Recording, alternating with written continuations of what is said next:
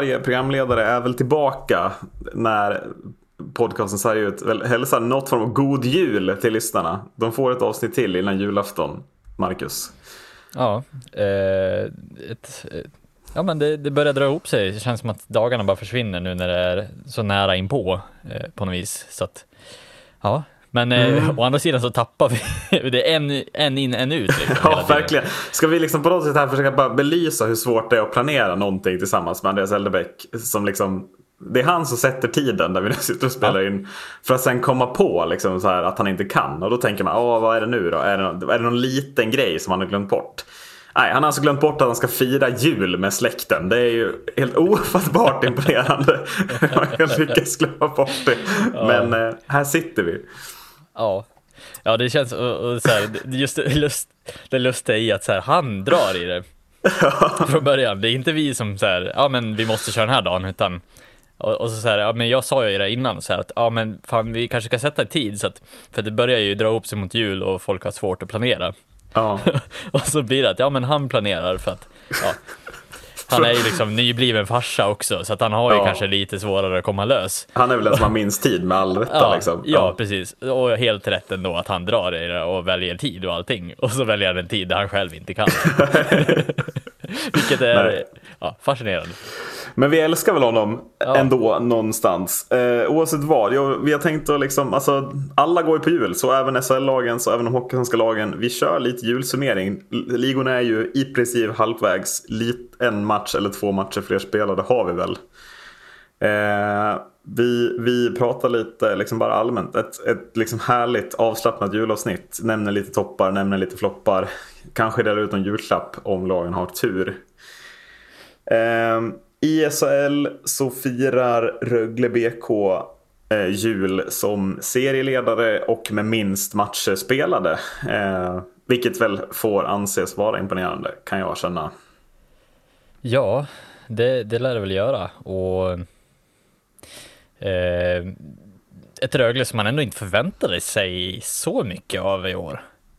Nej, och jag vet inte riktigt. De matcherna jag sett, jag vet inte riktigt om jag ser serieledarna alltid när, när Rögle spelar. Men de har en jävla förmåga att vinna. Mm. eh, känner jag. Jag tycker kanske att andra lag spelmässigt har imponerat mer. Men, men att Rögle har en otrolig förmåga att, att stå som segrare när matcherna liksom är klara. Mm.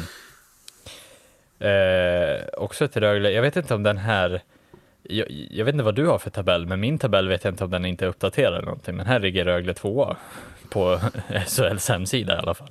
Eh, Okej. Okay. Ja, Med 26 spelade matcher. De kanske har ja. missat någon match. nej, inte. 26 spelade. Vilka ska leda menar du då i din tabell? Ja, Frölunda. Ja, de har ju också 54 poäng, men där måste vi väl titta på målskillnad. Eh, och då är ju Frölundas sämre. Så jag tror att min stämmer. Ja, då är det någon som inte har gjort sitt jobb på, på tabellsidan. Vi, vi, jag ser du, gå in och kolla under... ja, ja, men då, då vi, har vi bara klargjort det så inte du har missat på att det Ja, och Rögle äh, behöver ju alltså ta, Frölunda har ju 28 spelade matcher, så Rögle behöver ju på två matcher ta en poäng för att efter 28 matcher var det laget som har spelat, tagit, tagit flest poäng. Ska, så att de, de leder och har väldigt bra chans att leda utan liksom att vara lika också någonstans. Ja, precis. Uh, ja, alltså Rögles styrka då. Varför är man serieledare? Förutom att man vinner matcher. Jag... Ja, alltså så här, jag vet inte om man kan säga att det är bröderna Abbott som är deras stora styrka. Uh, uh, generellt i klubbmässigt, för det känns som att de alltid lyckas hålla ihop det och bygga ihop ett lag liksom och, och verkligen ja, men, bana väg för spelarna att spela ut sin hockey.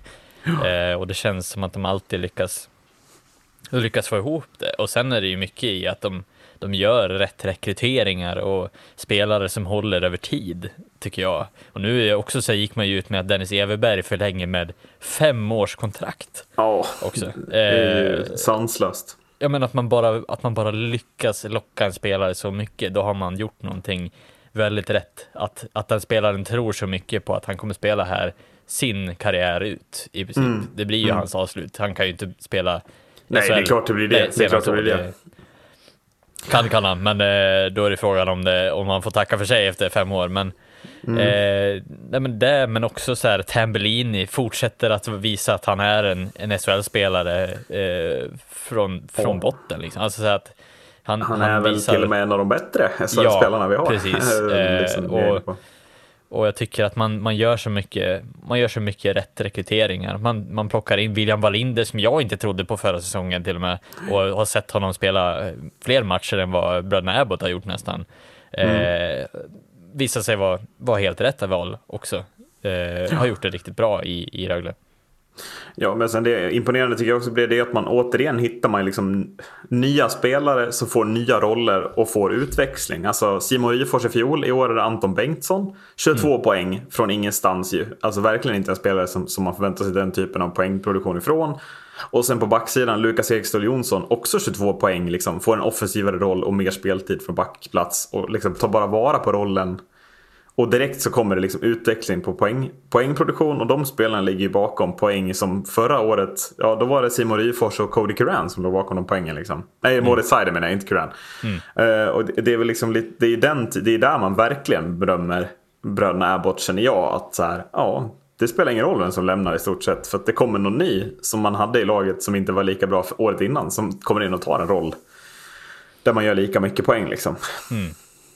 Just Moritz Seider också, alltså vilken, vilken back man hade förra året egentligen, ja. om man tänker tillbaks. Eh, Som liksom knappt saknas. Det är ju ja. det är faktiskt sjukt. Hur man har lyckats ersätta, det, ja. alltså det är ju en kille och det var ju Cody Curran året innan, det var ju samma sak. Alltså, mm. ja, det, man, man lyckas hela tiden ersätta sådana typ, alltså spelartyper som man tror ska bli Ja men man får ju alltid en känsla varje säsong att så här, shit vad de har tappat tunga pjäser, hur fan ja, ska de ersätta exakt, det här? Exakt. Och lite så känns det ju med Rögle inför säsongen och nu står man här och bara, ja, hopp ja, de verkar ju gå ganska fint ändå. Liksom, så att... Ja, nej, men, och sen om vi dessutom då, vi ska ju prata lite floppar och så, och toppar har vi ju tänkt. Om vi då ska nämna en flopp, man misslyckas ju ganska kapitalt med värvningen av Robert Lantosi som ju inte har gjort någon särskilt jätteglad Linköping heller. Mm. Alltså att trots det, den typ, han var väl ändå tänkt att göra ganska mycket poäng, är väl mm. tanken tror jag, har ju gjort det på liksom internationell nivå. Um, Ja, att man ändå utan hans tilltänkta produktion ändå leder serien vid jul. Eh, tycker jag nästan gör saken ännu mer imponerande också. Att det ja. liksom... Ja, det, någon annan gör poängen helt enkelt. Sen vem mm. som gör den spelar inte så stor roll. Tambellin har gjort många av dem såklart. Ja. Nej men jag, jag, jag, jag vill gå tillbaks till alltså så här Abbots, alltså i kombination med varandra. Jag tror att man underskattar kommunikationen mellan två bröder på det sättet också att jag tror att man kan vara öppna med alla former av kort som man liksom vill spela ut eller vill liksom så här, det här tänker jag, vad tänker du? Jag tror att om kommunikationen hålls ihop på det sättet som de gör förmodligen, tror jag också spelar så väldigt stor roll för Rögle och hur Rögle ska spela och hur de ska tänka i sin värvning. Allting går liksom i synk. Ja, och det verkligen. tror jag man, man underskattar det så mycket tror jag. Eh, att att det, det spelar roll för hela laget, inte bara liksom hur man spelar, hur man vill spela, hur man tänkt att, det, att spelaren som kommer in ska spela. Allting. Jag tror att det är mycket nyckeln till varför Ja, verkligen. Eh, närmast jagande eh, och väl främsta utmanare, kanske det lag som jag tycker har spelat bäst. Eh, Frölunda. Eh, och här får vi väl säga att eh, ja, man har värvat in spelare som gör poäng och när de gör poäng så vinner Frölunda trots att det är ett ganska likt lag från förra året. Liksom. Mm.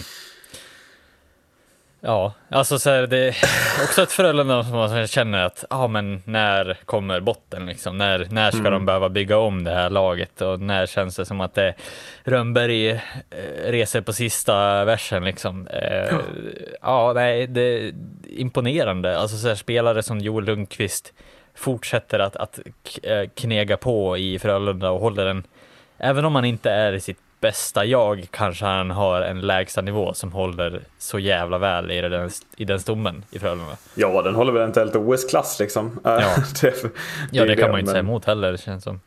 Men framförallt så känns det som ett Frölunda. Alltså, man har fått in Ryan Lash, man har fått in Michael Spacek. De gör 36 respektive 28 poäng. Och i övrigt så har man allt på plats. Mm. Allt annat finns där. Det finns keeprar, det finns eh, liksom bra backar, det finns bra forwards för andra, tredje kedjan som kan komplettera de här två spelarna. Liksom. Eh, Och sen med de här två spelarna får man ju också ett powerplay som fungerar. Mm. Och då helt plötsligt så är man serie två på samma poäng som, som serieledarna istället för och harvar kring en sjunde åttonde plats som förra året. Eh, Ja. Det, det, det säger nog något om marginalerna liksom. Mm. Och så, så här, detaljer, alltså små detaljer som gör att, alltså så här, jag såg målet som, som Ryan Lash passar till i powerplay när det tar bara ja, knappt några sekunder ifrån tek. Där Ryan Lash får upp pucken vid blå, han lägger en diagonalpassning över till Lundqvist. Lundqvist bara lägger ner bladet i isen och det är mål. Alltså, det behöver inte vara svårare än så. Nej. Men och, just som Joel Lundqvist uttryckte det också, så här, han ser ju det här och jag såg att han fick pucken. Jag satte ner bladet i isen och bara tänkte att han kommer att, han kommer att söka den här. Ja. Bara sån sak, att de vet redan vad som är tänkt där.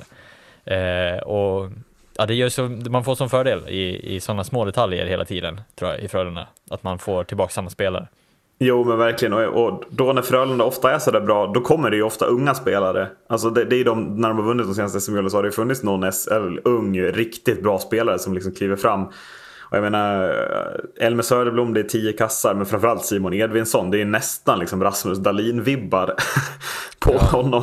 Ja. Och det är ju, ja alltså i VM så känns det ju som att Edvinsson vi kan ju prata total dominans om han är, är på, har, liksom, har vaknat på rätt humör och inte låter nerverna ta över. Eh, precis likt, likt man pratar om Dahlin, Dahlin i de lägena. Ja, ännu en, ännu en klassback som kommer från Ja. svensk eh, hockeyskola liksom.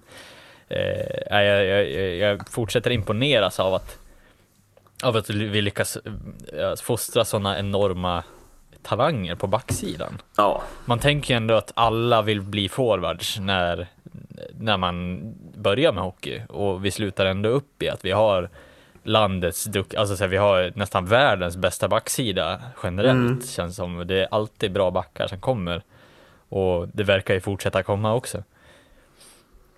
Ja, nej men och sen, alltså. Det, är någonting med de här backarna som kommer i Frölundas organisation. Alltså det är något, just flytet de har i skridskoåkningen. Alltså skolan är väldigt bra för backar som har, är bra defensivt men också har en offensiv uppsida. Alltså det kommer fram väldigt bra allround-backar ur Frölundas organisation tycker jag. Där, där väl Dahlin och Edvinsson blir de två liksom stora. Men jag tycker det var likadant när man såg Jesper Sellgren, eh, liksom, eller Mattias Norlinder menar jag. Alltså det, det, det är någonting, det, defensiven blir starkare och sen flytet blir, trots att det redan var bra i Modo för honom, så blir det någonting annat i Frölunda. Liksom. Ja, eh, Mattias Norlinder hade ju en skridskoåkning sedan tidigare som var Ja. väldigt imponerande, men eh, givetvis har han ju lyfts upp genom, genom Frölundas eh, året i Frölunda. Nu kommer han ju tillbaks till och med, det ska väl nämnas också. Eh, att Canadiens lånar ut Mattias Norlinder efter lite skadeproblem från dels AHL men också så här att han, han eh, var uppe och spelade någon match med Canadiens och sen nu blir han utlånad till Frölunda resten av säsongen, vilket måste anses som en ganska bra förstärkning eh, till slutet av, av den här serien. Vi går till tredje, fjärde platsen. Eh, Norrlandslagen, Skellefteå och Luleå. Luleå som ju började svagt men som har hämtat in eh, och ju absolut krigar eh, om den här serieledningen också ju. Och sen ett Skellefteå som väl har varit bra hela säsongen. Ja. Eh, ja, vilket av Norrlandslagen känner du är hetast? Jag känner ju ändå Luleå på förhand. Jag tycker att det finns en del orostecken i Skellefteå senaste tiden kanske, eller senare.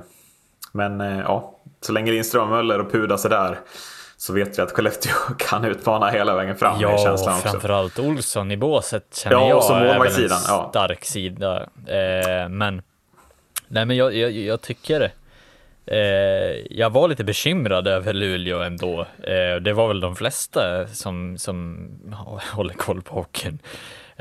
Men att, att Luleå hamnade, halkade så långt ner eh, tillsammans med andra lag som också har, har misslyckats lite. Det kändes som att så här, fan, det här är typ året som Luleå verkligen kan utmana eh, väldigt högt. Och det kändes så här, ja men de fick hem Omark och de hade liksom ett starkt lag generellt som bara känns Luleå starkt liksom. Eh, det kändes som den här, som Dick Axelsson skulle uttrycka det, sekten som, Ja, eh, som Luleå ändå så här, eh, typ, ja, förknippas med på något vis. Jag vet inte Mm. hur man ska säga, det känns Nej, men jag håller med. Alltså, det blir ju... Det, det, det blir också, alltså, man tittar på om det kommer en svag start för ett lag. Alltså titta vad det färgar länge den här säsongen. Alltså, eh, ser man bara till de sista 20 matcherna, som man bortser från första sju, så är Luleå det laget som har tagit näst mest poäng i hela ligan. Ja. Så det är liksom, ja, sju omgångar kan färga ganska mycket av säsongen. För det är där tonen Ja. sätts liksom. Ja, verkligen. Och det är väl också vikten av att man, när man halkar in i en sån dålig period, att den inte blir att den någonstans kan ju pika uppåt och det gäller att liksom veta att vi tar oss ur det här, för då Ja. blir det bättre. Och det verkar ju Luleå verkligen ha, ha gjort. Och jag menar, halkar man inte alldeles för långt ner så blir det ju ingenting omöjligt i den här tabellen överhuvudtaget. Nej, men verkligen inte. Verkligen inte. Eh, och, och, och det är också beviset på att det finns olika vägar att vara ett topplag. Alltså Skellefteå har ju varit jämna hela säsongen. Det är, lite, det är lite upp hela tiden, sen kanske lite ner, lite upp, lite ner. Medan Luleå börjar med tok ner och sen är det spikrakt upp. Det kanske kommer en till downperiod för Luleå. Innan man går för en till sista peak framåt våren för en bättre tabellplacering. Och sen ett slutspel där man ju fullständigt då är på sin topp. Det Ja. vet man ju inte. Nej. Vilken väg som är bäst, det vet man inte heller. Utan det, det är ju bara att konstatera att det handlar ju om hur en tränare bygger sitt lag. När man tränar hårt, när man tränar på vissa saker, när fokuset ligger. Men Frölunda och Luleå jobbar ju väldigt lika. Det känns ju som att när, när Rönnberg jobbar verkligen hårt på sina träningar och, verkligen tränar loss laget så kommer ju sämre prestationer för att sedan upphämtas av riktigt, riktigt bra prestationer när de har hämtat tillbaka liksom, den träningen. Och samma tycker jag får känslan av Luleå. Precis, alltså man får väl se lite säsongen och tabellen som, som någon form av långlopp. Alltså jag menar, det går ju att gasa från början, men det är ju sällan lag som gasar från början som, som håller över hela säsongen samma typ av jämnhet. Alltså vi har ju sett lag som har gått bra i början, men som har lite svackor hit och dit. Det kommer några skador, det kommer några liksom så här, ja, det kommer perioder där det blir kanske tajtare spelschema och helt plötsligt så, så tappar man poäng på grund av att man har ja, väldigt tufft fram och tillbaka. Liksom så. Mm. så att man får ju se liksom som att man måste ju försöka hålla någon form av låg, hög lägstanivå eh, hela tiden. Och det tycker jag ändå att Skellefteå har gjort bättre eh, än vad Luleå har gjort, men, men, men att Luleå ändå visar att man har en högsta punkt nu eh, som, som kanske till och med kan bli ännu högre och vilket kan bli väldigt farligt in i slutspelet som du säger. Om, du, om, om de går in i ett slutspel nu och håller en, en nivå till, ja men då, då kan vi börja snacka liksom ett, ett ganska Ja. slagkraftigt Luleå. För jag menar på pappret Jo, men, och, och då, men allting, allting kokar väl ner till den producerande kedjan. Och Jag tycker ändå att vi måste nämna Luleås första kedja, Kinnimin, Fröberg och Omark. Mm. De- Den måste ju vara bättre. Den måste ju upp för att de andra lagens första kedjor är bättre i toppen. Det är så enkelt. Mm. Och jag menar, ja, Omark pratade tidigt den här säsongen om att han skulle vara som bäst i våren. Ja, eh, jag tycker man börjar se vad, vad Bulan Berglund och kompani har i, i luringen här, liksom, eller i görningen. Ja, eh, vi var väl, jag var lite skeptisk till Omark. Alltså så här, jag trodde att han, nu har han kanske gjort sitt. Eh, han Ja, men har, det är ju upp till bevis. Nu har han Ja. Mm. ju pratat mycket om våren, tänker jag. Och då lär det komma prestationer där. Som... Ja, Mm. och man har ju ändå sett tendenser till det. Eh, Ja, det han leder interna poängligan nu. Eh, han hade inte alls den här statistiken i början av säsongen. Han gick lite trögt. Luleå gick också trögt. Nu går Omark bra. Luleå går bra. Alltså det, det är lite det, är det som är nyckeln också tror jag. Att Mm. Nej, men vikten blir väl snarare vid Fröberg och Kinnimin, känner jag. Ja. Omar kommer kliva upp, men Fröberg, det är 6 plus 8 som första center i topplag i SHL. Det är, det är för dåligt, tyvärr. Mm. Ja. Men det, det måste vara bättre eh, o- om Luleå ska, ska gå längre. Ja. Eh, tr- tror jag, helt enkelt. Och Kinnimin vet ju att där slutspel kommer ju inte göra, göra det sämre för honom rent psykiskt kanske, utan han lär väl vara ännu mer taggad liksom. Ja, Så är men precis. För materialet har de, det ska vi ärliga och säga. Ja, alltså, så här, de har ju definitivt, material för vad de, definitivt. vad de vill göra. Eh, och det har ju Skellefteå också. Eh, Mm. Tycker jag. Eh, vad, vad, alltså här ser vi lite bredare produktioner i känslan. Men Jonathan Pudas får ju ses som eh, imponerande. Leda back, eller liksom så, från backplats med närmare 30 poäng. Liksom. Ja, man förstår ju varför han är uttagen i landslaget i alla fall. Ja, Eh, det är jo, ju en, en punkt som man kan i alla fall, ja, okej, ja.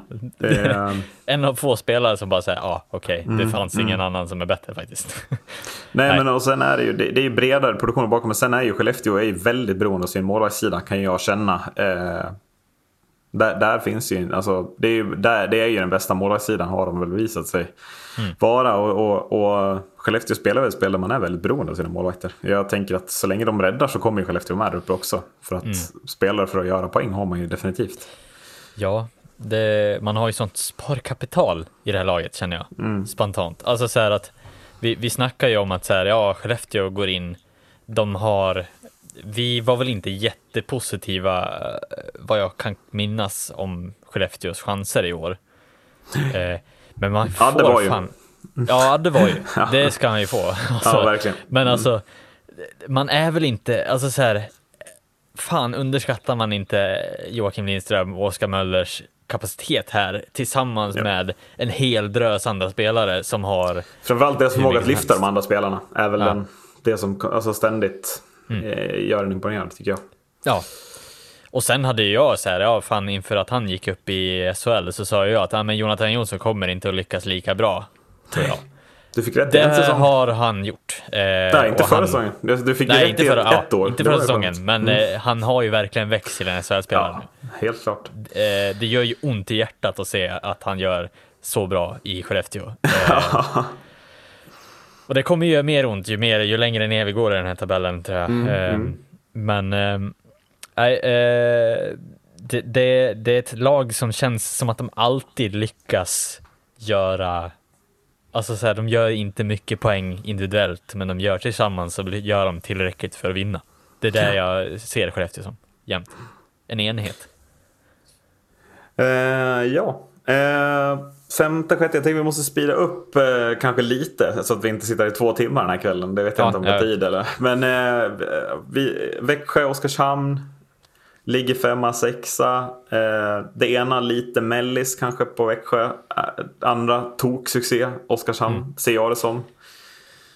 Eh, ett Oskarshamn som vi absolut trodde skulle vara med i bottenstriden ju. Och jag är faktiskt mm.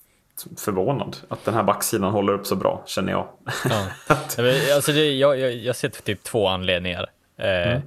På båda lag, eller så här, en anledning för ja, varje lag varför de blir som de gör. Ja. Eh, anledningen för Växjö, Robert Rosén och Rickard Gynge. Alltså så här, det, mm. det, är Växjö nästan. Alltså så här, sen kan det vara skillnad mellan medio, alltså helt okej okay Växjö eller ett jättebra Växjö. Om du förstår ja. vad jag menar. Alltså, ja, men, alltså lite blir det väl, tänker jag, precis som du är inne på, att så här, de gör sina grejer och då ligger Växjö minst femma. Sen skulle det behövas lite mer bakom kanske, eh, mm. någonstans. Eh, Pontus Holmberg är ju bra, men ja. sen... Precis, de har ju tappat enorma enorma pjäser. Ja, verkligen. Eh, verkligen efter verkligen. förra säsongen. Och vi trodde ju också att det här kommer ju antingen vara liksom Sam Hallands eh, gudabegåvning som tränare som ska, ska bära det här Växjö eller så är det liksom bara Gynge och Robert Rosén som gör. Mm. Eh, nu kan det kanske är en kombination av det, eh, man vet inte, men det känns ju som att Robert Roséns frånvaro när han har varit skadad har gjort att Växjö har gått betydligt sämre än vad de gjorde tidigare. Ja. Jag tycker det syns så tydligt. Eh, formen sista tio, Växjö nia i ligan. Mm. Och det är väl någon, lite, lite, inte alla de tio har varit skadade, men det är väl en sex matcher kanske ungefär. Ja. Så det säger väl en del. Precis. Oskarshamn, där kommer vi till nästa sak som gör extremt ont att säga varför de går bra. ja, ska vi prata lite om toppar den här säsongen? För det kanske är eh, en vi båda har nedskriven tänker jag. Om vi ska prata spelare. Vi pratar seriens kedja nästan. Ja, det kan vi göra. Kör du. Alltså, det, det är nivå av, av högsta klass, eh, vad jag kan tycka. Sen är det ju klart att det är ju andra delar i Oskarshamn som är, eh, behöver förbättring och de spelar rätt mycket anfallshockey så. Men alltså, Patrik Karlqvist går till Oskarshamn eh, från förra säsongen, Modo Eh, Kim Rosdahl eh, och Fredrik Olofsson gick från Modo förra säsongen. Den kedjan gör nu, ja, eh, om inte eh, hetaste, men en av de hetaste kedjorna i hela SHL. Eh, och även en stor anledning till att Oskarshamn ligger där de gör. Ska jag säga. Ja, framförallt Karlqvist ju på egen hand. Alltså, vad är det för siffror? Det är 30p. Mm. Alltså, om du hade inför säsongen fått ställa Max Veronneau och Patrik Karlqvist mot varandra. Vem hade du trott skulle ge flest poäng? Liksom? Alltså, mm. De ligger jämnt i den här tabellen. Mm. Det, är, det är så imponerande av Karlqvist. Alltså, jag, jag, tycker, jag tycker nästan det saknar motstycke och det är väl årets spelare. Liksom. Årets forward är det utan tvekan hittills, tycker jag. Mm. Eh, och jag menar, jag menar hur, hur, många år har inte Karlqvist fått orden till sig att han inte platsar i SHL? Ja, det är nog vi, av fler än vad man tror. Kan vi också så här, jag hörde ju intervju med Patrik Karlqvist nyss, han var med i Sonny ja. Svensson-podden. Då pratade de ju om, om just det här och, och just att han gick från Finland eh, tillbaks till Modo och sen han gjorde noll poäng på åtta matcher i Finland. Mm. Går upp till SHL. De enda som hörde av sig till Patrik Karlqvist var Oskarshamn. Ja. Det var de enda som hörde av sig från SHL-håll. Tror du man ångrar sig nu? ja, det... För att, och sen alltså så här, att se den potentialen från Oskarshamns sida, kan vi bara ja. de, de, berömma det. Alltså så här, sätter man Patrik Karlqvist i rätt, i, i rätt miljö och ger han, för de hade också sagt det, så här, du, du, du behöver liksom inte ha pressen att du måste prestera på en gång. Nej, så är det. Utan gör din grej, spela ut ditt spel, och så, så här, man sätter honom med Fredrik Olofsson och Kim Rostad som, som man känner sedan tidigare. De vet ju precis hur de ska, alltså så här, de har ju spelat ihop. Det är klart som fan att de vet hur de funkar. Mm. Det är ju, alltså det är genialiskt. Det, jag menar, jag menar Oskarshamn är väl årets lag? Alltså ja. även om, fast de ligger sexa och att Rögle och Frölunda ligger liksom nio poäng före. Ja. Men, men det, det, jag tycker inte det finns någonting som kan säga någonting annat än att Oskarshamn är årets lag. Och det är deras mm. prestation mm. hittills som är den mest imponerande. Eh, det är någonstans det jag landar i. Ehm, ja, det, det är alltså, lite sådär. De gör värvningar som ingen, ingen i annan, annat lag i SHL tror på, uppenbarligen. Nej, så är det och, och lyckas med dem. Så att, eh, och, och så här, de kommer nog ganska mycket billigare undan än vad många andra lag gör för att, för att hitta samma typ av om inte mer kapital i de värvningarna än vad de andra lagen gör. Men titta på kapital man har i Fredrik Olsson. Alltså, mm. Det är ju en toppcenter i SHL idag. Ja, och jag menar sen är det ju spelare som helt glöms bort i, i Oskarshamn. Alltså, mm. Rosdahl är en, han har du ju nämnt. Men en annan mm. är ju Brian Cooper som har värvat förra säsongen inför Björklöven. Där mm. pratar vi toppback i SHL, tycker mm. jag.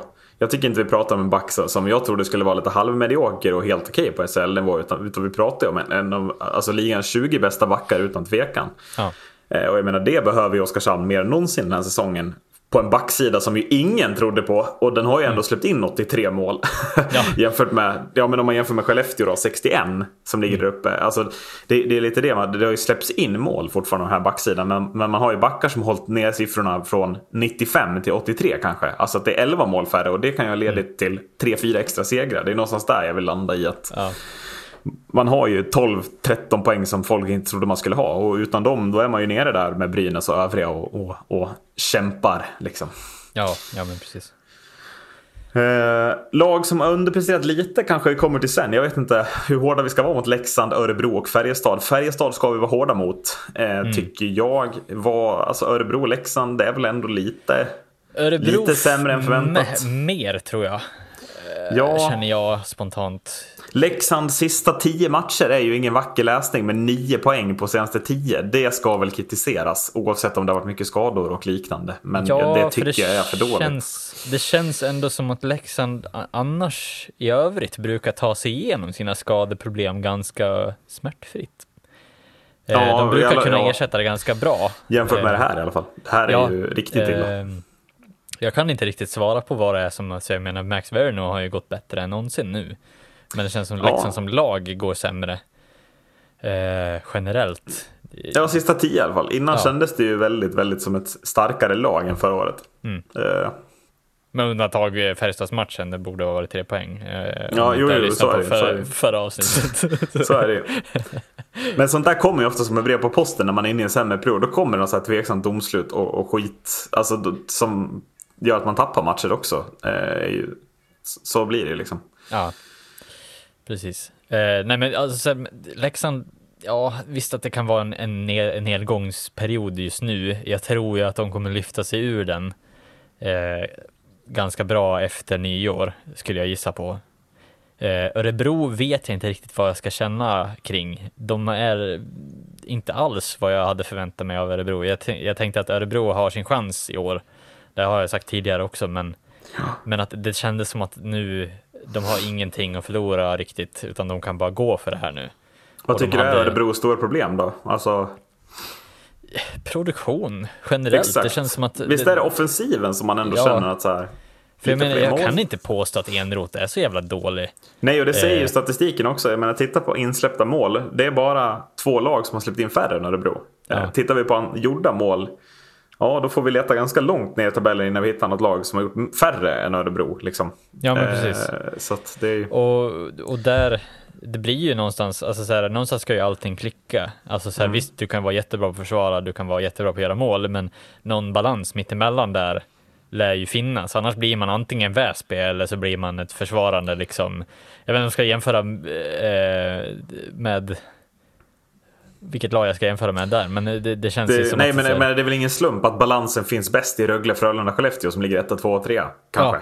så kan man väl säga. För, för här, här känner man ändå så här att det finns ju vissa lag som känns som att de, de har fan ingenting, eh, i- inget av det och det kommer vi väl till antar jag. Men, men här har man i alla fall någonting av det och då Så är det. är det ju så här, vad, hur löser man det här problemet? Det är ju det här som är uppenbarligen det som orsakar att ni inte ligger högre.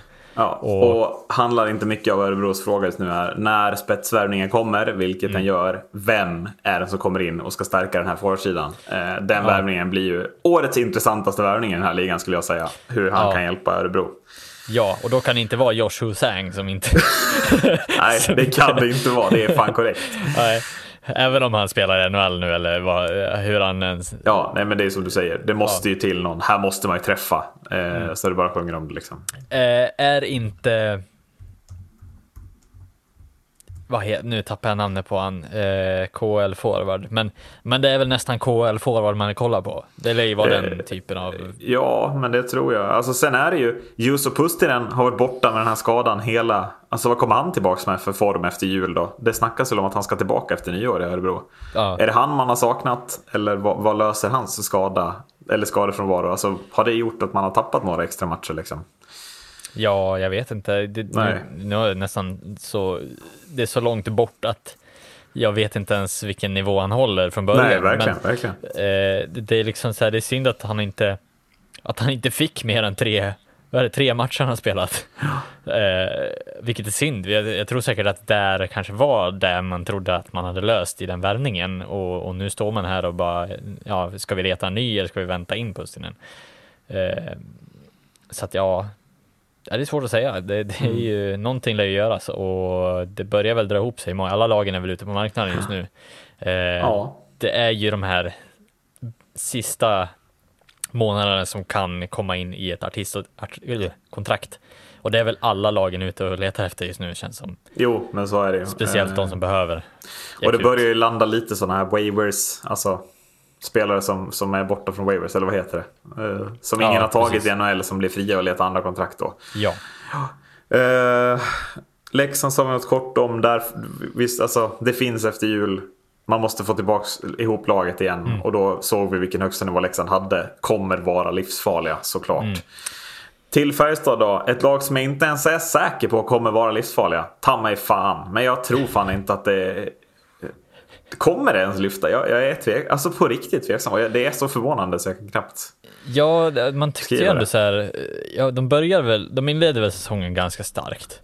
Ja, Och Vi satt ju här och pratade efter några omgångar hur jävla starka de såg ut. Det Ja. var väl det vi inte ville ha skiten. Eh, men annars i övrigt så är det väl bara, känns det som, eh, jag vet inte om man, vad man ska ifrågasätta heller. Jag tycker att Rydahl ser bra ut, Viksten ser bra ut, Nygård ser bra ut. Eh, det är så mycket som ser bra ut, men det finns ingen effekt. Det finns liksom ingen så här, vi ser inte, vi ser inte Rydahl göra 45 poäng liksom. Utan det, det, just Nej. nu i det här läget så, så här, är jag fan tveksam på om man ens kommer upp i 40 poäng i år. Alltså så här, en sån spelare bör ju vara bättre. Men sen är väl också, här är väl det tvärtom från Örebro. Här är väl inte problemet offensiven riktigt känner jag. Nej, Jag känner bara att det ramlar ju in mål bakom Dominik Furs så det bara sjunger om det hela tiden. Och det, jag säger inte att det är Furs fel, men, men det, det är för många mål man släpper in. Tror jag är liksom grundproblemet. Att man måste börja fokusera lite defensivt och kanske skita lite i offensiven ett tag. För offensiv kraft finns, det lovar jag. Liksom. Och där trodde man inte att man skulle behöva sätta i det facket Färjestad. Eh, Verkligen inte. med, det, med tanke på den backsidan man har. Men det är frågan, så här, har, man har man tyckt att den är Alltså är den, är den överskattad? Alltså är, är ja, det så att alltså, är Wikstrand inte bättre än så här? Alltså det kanske är så att vi, vi har liksom så här hela tiden överhypat den här backsidan på grund av namnen. Men och de jag, själva ju i sådana fall. Ja, är ju känslan. Ja, ja, givetvis. Ja. Alltså, så här, det känns lite som att fan, det, det, det, är som du säger, alltså så här, man har inte råd att ha en hel del backar som ligger på, ja, som Wikstrand minus sju. Alltså, så här, nej, nej, nej, man har inte råd med det om man ska vara topplag i den här serien. Eh, och det är som du säger också så här, jag tycker inte att att någon sida, det är framförallt inte centersidan, bör ju vara eh, det som är orsaken heller. Eh, det känns ju som att man har fyllt alla platser fullt ut. Man har, man har ändå ett, ett så pass slagkraftigt lag så att även en ja. dålig dag ska ju generera typ minst två poäng eh, nästan varje Jo, men sen är, det ju, sen är det ju de gångerna man väl träffar rätt. Alltså, såg du bortamatchen mot Oskarshamn där man var med 5-0? Nej, jag missade. Nej, men alltså där, där, man liksom, där träffar ju Färjestad rätt. Man är bättre laget i matchen. Alltså då ser det ju, alltså de, de, de sköljer ju över Oskarshamn som har varit bra hela säsongen. Mm. Och jag menar om, om Färjestad, det är de där matcherna de måste börja jobba från. Vad gjorde vi den här matchen som var så bra? Vi höll nollan, vi gjorde fem mål framåt. Någonstans mm. där, men det känns ju som att man inte tittar på det. Två matcher senare, då, det, då har man bara flyt hemma mot Leksand, att man ens får med sig poäng. Sen ja. råkar det vara tre på domarmisstag och annat. Liksom. Annars är Leksand bättre. Leksand är totalt usel form dessutom. Liksom. Ja. Eh, och då känns det som att Penneborn, han lö alltså så här, ibland ser det bra ut men sen har han liksom ing- han jobbar inte med det mellan matcherna vad som är bra och vad som är dåligt. På mm. ett bra sätt är ju känslan jag får, tyvärr, någonstans. Eh, mot eh, botten då, kanske taskigt att blanda in Linköping i botten men det är bara att konstatera att Linköping får inte utfall på sina offensiva spelare tillräckligt mycket. Utan lär väl jobba för den där tionde platsen resten av den här säsongen. Ja, det, men det, det, det, känns ju som att eh, de hade fan mer problem i början. Alltså då, då var det verkligen, riktigt, verkligen. riktigt illa. De har, ju fått, eh, de har ju hämtat hem lite nu. På, ja. Jag tycker de spelar bra på sistone, men, men eh, ja. Eh, och, och jag tycker ändå så att man har ändå lokaliserat problemet och löst problemet mer nu. Eh, och jag tycker att man hade så här, man hade ju ändå, man har ju någon form av grundförväntan på Brock Little ändå, jämt. Och man tänker att ja, men han ska lösa det, men har han någon vecka som är dålig eller en, alltså så här, det, han hamnar väl in i någon form av liksom där hela laget är, eh, vilket inte blir bra för någon ja. egentligen. Eh, och där tror jag väl ändå att det var det som var problemet mest i.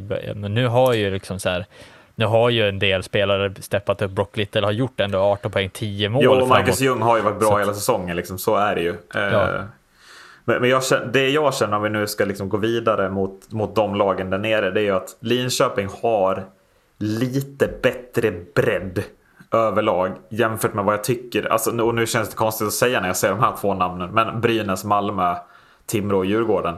Det känns som att det finns någonting i Linköping som inte finns i de andra fyra lagen som är kvar sen att liksom sammanfatta. Jag vet inte hur du känner. Jo, men alltså så här, det känns som att det är, alltså så här, jag blev ju mer förvånad förra året när Marcus Ljung och kompani inte var bättre än vad de var. Nej, men precis. Eh, och jag menar, nu, nu känns det ju som att man börjar kolla på det här laget och det är liksom en och det är man har eh, Brock Little, Ljung, Junland. Alltså det börjar, vara, det börjar vara en trupp som faktiskt är värdig någon form av bredd. Som du säger. Eh, det, det börjar vara, alltså det är nästan konstigt att säga att ja, Linköping har en bra bredd. Eh, bättre än vad man hade trott, känns som. Eh, ja. Men, men alltså, så, det, allting handlar ju om små detaljer. Eh, för att, alltså, här, när man bara kollar på konkurrensen i år så det handlar ju om så små detaljer som att men vi får inte funka offensivt. Ja, men då ligger man där man gör ja. i år. Eh, eller det funkar inte defensivt eller eh, vi spelar på ett sätt där ingen tanke finns i vårt spel. Det, alltså det är sådana små detaljer som gör att det antingen blir övre eller ja. undre delen av tabellen helt enkelt. Och lagen som inte har fått ihop det är ju Brynäs, Malmö, Timrå och i synnerhet Djurgården då. Mm. Eh, jag tänker att Djurgården vi har pratat så mycket om den här hösten. Ska vi, ska vi inte prata om dem den här podden? Vi bara konstaterar de är komplett urusla och det kommer bli kval. Eh, vad Adde än känner, eller? Ja, alltså... Ja. Det, vi slår fast det. Ja, vi behöver inte analysera det, för det kommer analyseras efter säsongen förmodligen. Ja, Timrå eh, var förväntat ett bottenlag, är ett bottenlag. Ja, det är klassisk nykomling liksom. Man gör vad man kan. Men det, ändå det är över förväntan ändå. Alltså någonstans ja. vill, vill man lyfta Timrå lite. Så här, fan, de tappade tunga namn inför deras SHL-uppgång. Ja. Eh, Lodin ser ut som att han inte bör spela i Timrå riktigt. Eh, Hur många att... tunga namn tappade man egentligen? Nu måste vi verkligen hämta hem det här. Man tappade Dahlén. Uh, Dahlén är väl inte jättetung. Jo men det är han, men alltså ja. Albin Lundin är kvar, Löke är kvar, Albin Karlsson är kvar. Hardegård tappar man också. Ja men det är ja, ändå två, av, två av fem i första linan då. Ja. Ja. Och, och jag menar, det är väl, alltså Dahlén, det visar väl på hur jävla mycket han betydde för Timrå, för deras uppgång. Eh, och ja, det är, väl, det, det, är väl lite där, men ja, samma sak också så här, det känns ju som att Timrå kämpar och kämpar för att hålla sig över ytan och ändå har någonstans, tycker jag, lyckats hitta no, någon form av högre nivå än vad man har gjort, gjorde i början av säsongen.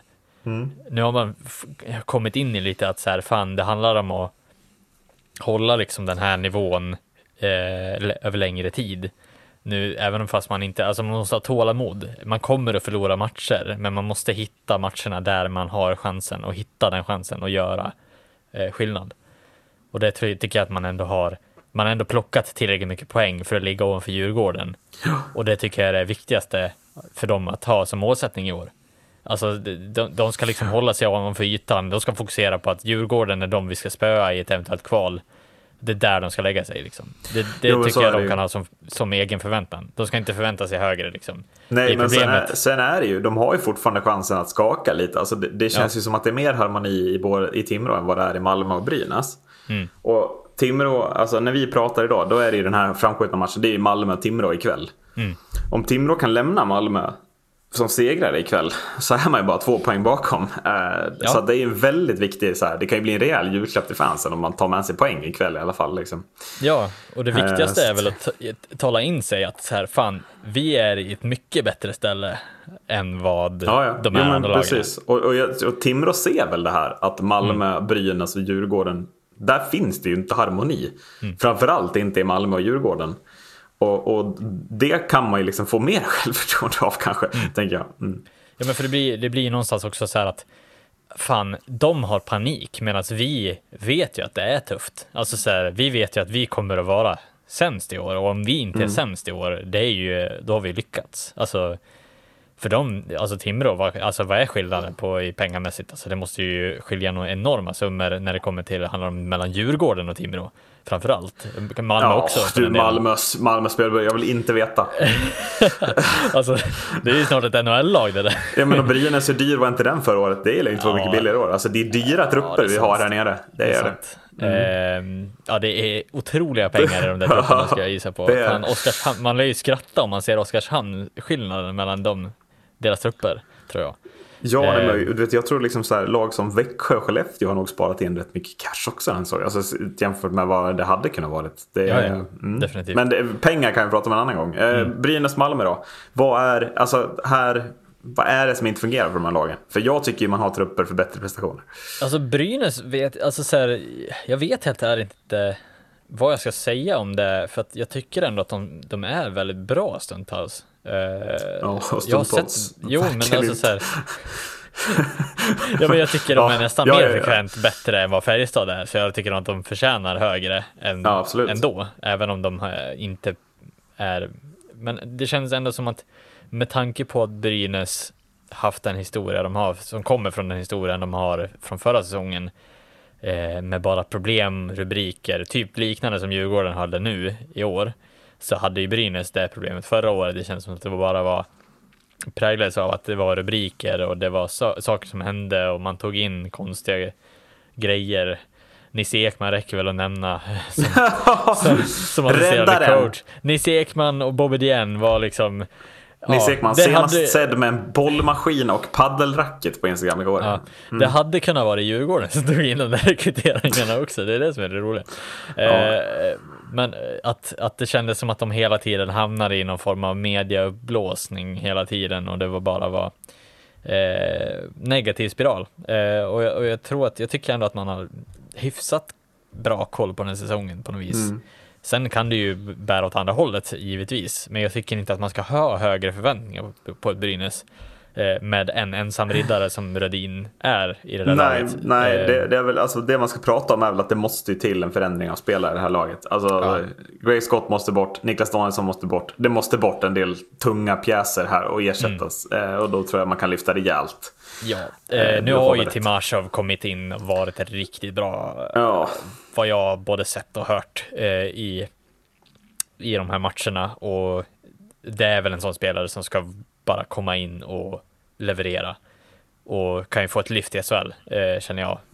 Eh, och, och, och, jag menar, så här, kan, man, kan man förlänga med en sån spelare och bygga bygga om runt omkring så har man ju ändå någon form av stomme i att man har kvar ja, Rudin, för Rudin kommer ju inte lämna även om det där skeppet sjunker till Nej men så är det ju. Liksom. Det, det som, utan Rudin ska man väl hålla fast i. Det är väl snarare mm. Greg Scott och Niklas Danielsson som är två spelare som gans, jag tycker man borde mm. ta bort direkt. Liksom. Ja, och jag Tommy ska... Sallinen en annan som absolut måste bort. ja. Och jag tycker att man ska blicka, alltså man ska nästan blicka neråt och göra alltså, liknande Oskarshamn-värvningar. Ja. Alltså titta på vad är potentialen? Man tog i och för sig Nick Olesen och Oskar Eklind i år. Alltså man är, har ju redan ja. börjat lite. Alltså får man ju ändå säga. Så att... Och Nick Olesen är ju en bra värvning. Eh, ja, Oskar Eklind också. Liksom, Han saknas i Mora kan jag säga. Ja, precis. Nej, så att, jag tror att man har någonting på spåren där och jag hoppas att man kan liksom fasa ut den gamla Brynäs och försöka fånga upp den nya, nya generationen Brynäs igen eh, och mm. bygga den. För att jag tror att de, det kan de och de, de förtjänar ett bättre Brynäs, kan jag ja. väl tycka. Malmö? eh, ja, alltså här pratar vi ju fiasko, typ. Ja, det, alltså det, det, det är ju så otroligt att prata om det här. Ja. Att Malmö ska ligga i botten av tabellen när man sitter och, och har kollat på en del Malmö-matcher, framförallt i början också av säsongen där både Malmö och Färjestad var bra. Mm. Men det är frågan om man inte såg Malmös topp där. Alltså, är det det bästa Malmö man ser den här säsongen? Det, det jag inte förstår är, är hur det kan vara det. Oskar mm. Alsenfelt var inte tillbaka då. Fredrik Händemark fanns inte i truppen då. Alltså, man har ju fan förstärkt. Magnus Pääjärvi kom in också. Alltså, man har ju förstärkt laget sedan dess. Men det har ju bara mm. blivit sämre. Ja. Det, det, är, ju, alltså, är det något lag som måste byta tränare så är det ju Malmö. Oavsett om man skrev det här kontraktet med Fagervall. Men nu är det bara att falla platt. Det, det måste ja. in nytt blod. För att man tror ju inte på idén längre. Nej, det, det, det, känns, det känns så jävla konstigt att och, och liksom så här, stå och säga till ett, ett bra, bra trupp att så här, fan, är ni inte bättre liksom? Mm. Eh, för jag menar helt ärligt, vad fan, de här, de här spelarna, alltså det är ju spelare som är otrolig nivå på egentligen. Sen Magnus Pejer, vi, ja, vi vet inte, där har vi ju rätt. Alltså han är ju inte bättre egentligen. Nej, han spelar ändå borta i NHL, eller har spelat i NHL och han spelat i... Skapligt tidigt på den eller väck, får man ja. säga. Ja, men alltså, det är en spelare som inte har en högre nivå. Och, Nej, och verkligen inte. Kommer Fan inte vara, ja, och det kommer inte vara en spelare som lyfter Malmö. I så fall är vi jävligt förvånade. Nej, men det kommer vara spelare som lyfter lön i Malmö.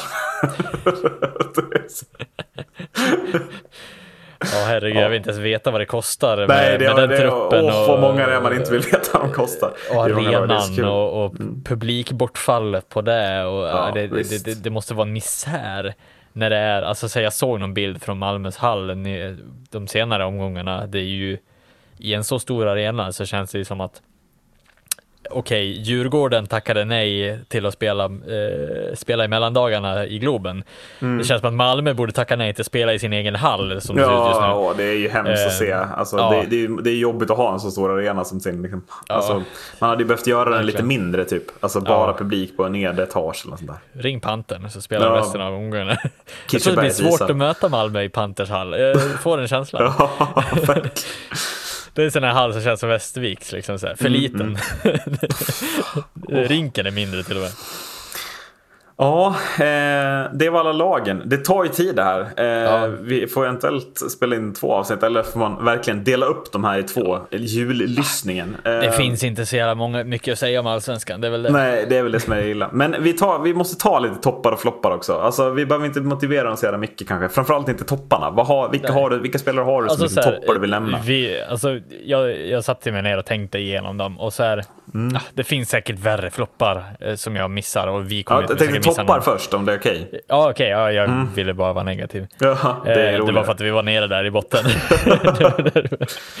ja, men den största toppen, alltså så här, vi kan ju inte undvika den, men Ryan Lash är ju, är Ja. ju hur bra som helst. Alltså han håller ju NHL-nivå i eh, SHL. Alltså det, Får det, jag, får jag den- lägga till Michael Spacek då direkt, som jag har uppskriven Ja. här på min lista? Ja, Eh, som jag tycker är en, en otroligt en värvning man pratar väldigt lite om för att Ryan Lash tar upp alla uppmärksamhet. Mm. Eh, men jag håller med, Lash är ju helt eh, otrolig. Sa vi inte att eh, Spacek var Lash 2.0? Jo, jo. Lash Och light kallar de. Sitter vi här nu och pratar gott om båda i hade samma rätt, lag? ja. Det är korrekt. Ehm, ja, men förutom, förutom Ryan Lash så, eh, alltså vi måste benämna Max Verno, alltså det är ju en Ja, fantastisk det. värvning eh, till Leksand. Eh, han gör ju Leksands målskytte väldigt enkelt, känns som. Eh, Ja, men det är, det är liksom sån jävla... Jag tycker Veronor Lash är liksom... Det är sån egen nivå. Alltså det, det är liksom... Det är bara Linus Omark som jag ser det som, som kan komma till den nivån av klass eh, som de är på. Jag vet inte hur, hur du tänker om det är någon man missar men, men det, det är liksom en helt egen nivå de är på, tycker jag. Eh, sen vill jag ju ändå så här, det finns ju någonting att, att berömma i Malmö ändå. Karl Söderberg är ju kanske s- svårt att missa på den egentligen, men det, alltså det är ju en fantastisk värvning. Så det ska de ju ha. Eh, han har ju visat att han är en ledare, han är någon som leder laget framåt. Eh, men det känns som att han jobbar i sån extrem motvind i det där laget.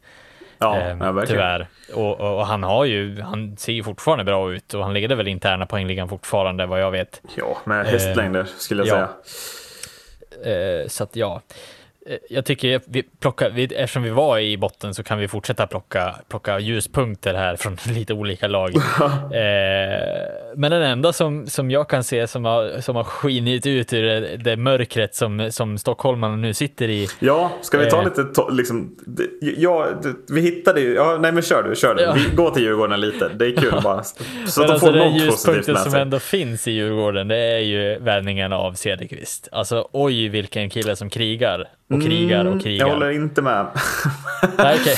Eller jo, jag håller med. Cederqvist är bra värvning så. Men jag tycker att Ludvig Rensfeldt också ska nämnas. Eh, alltså vad gör han för säsong sett till förväntningar? Mm. Men det är också, det här är så tydligt. Vilka pratar vi om i Djurgården? Filip Cederqvist och Ludvig Rensfeldt liksom. Ja, men det är bara toppar.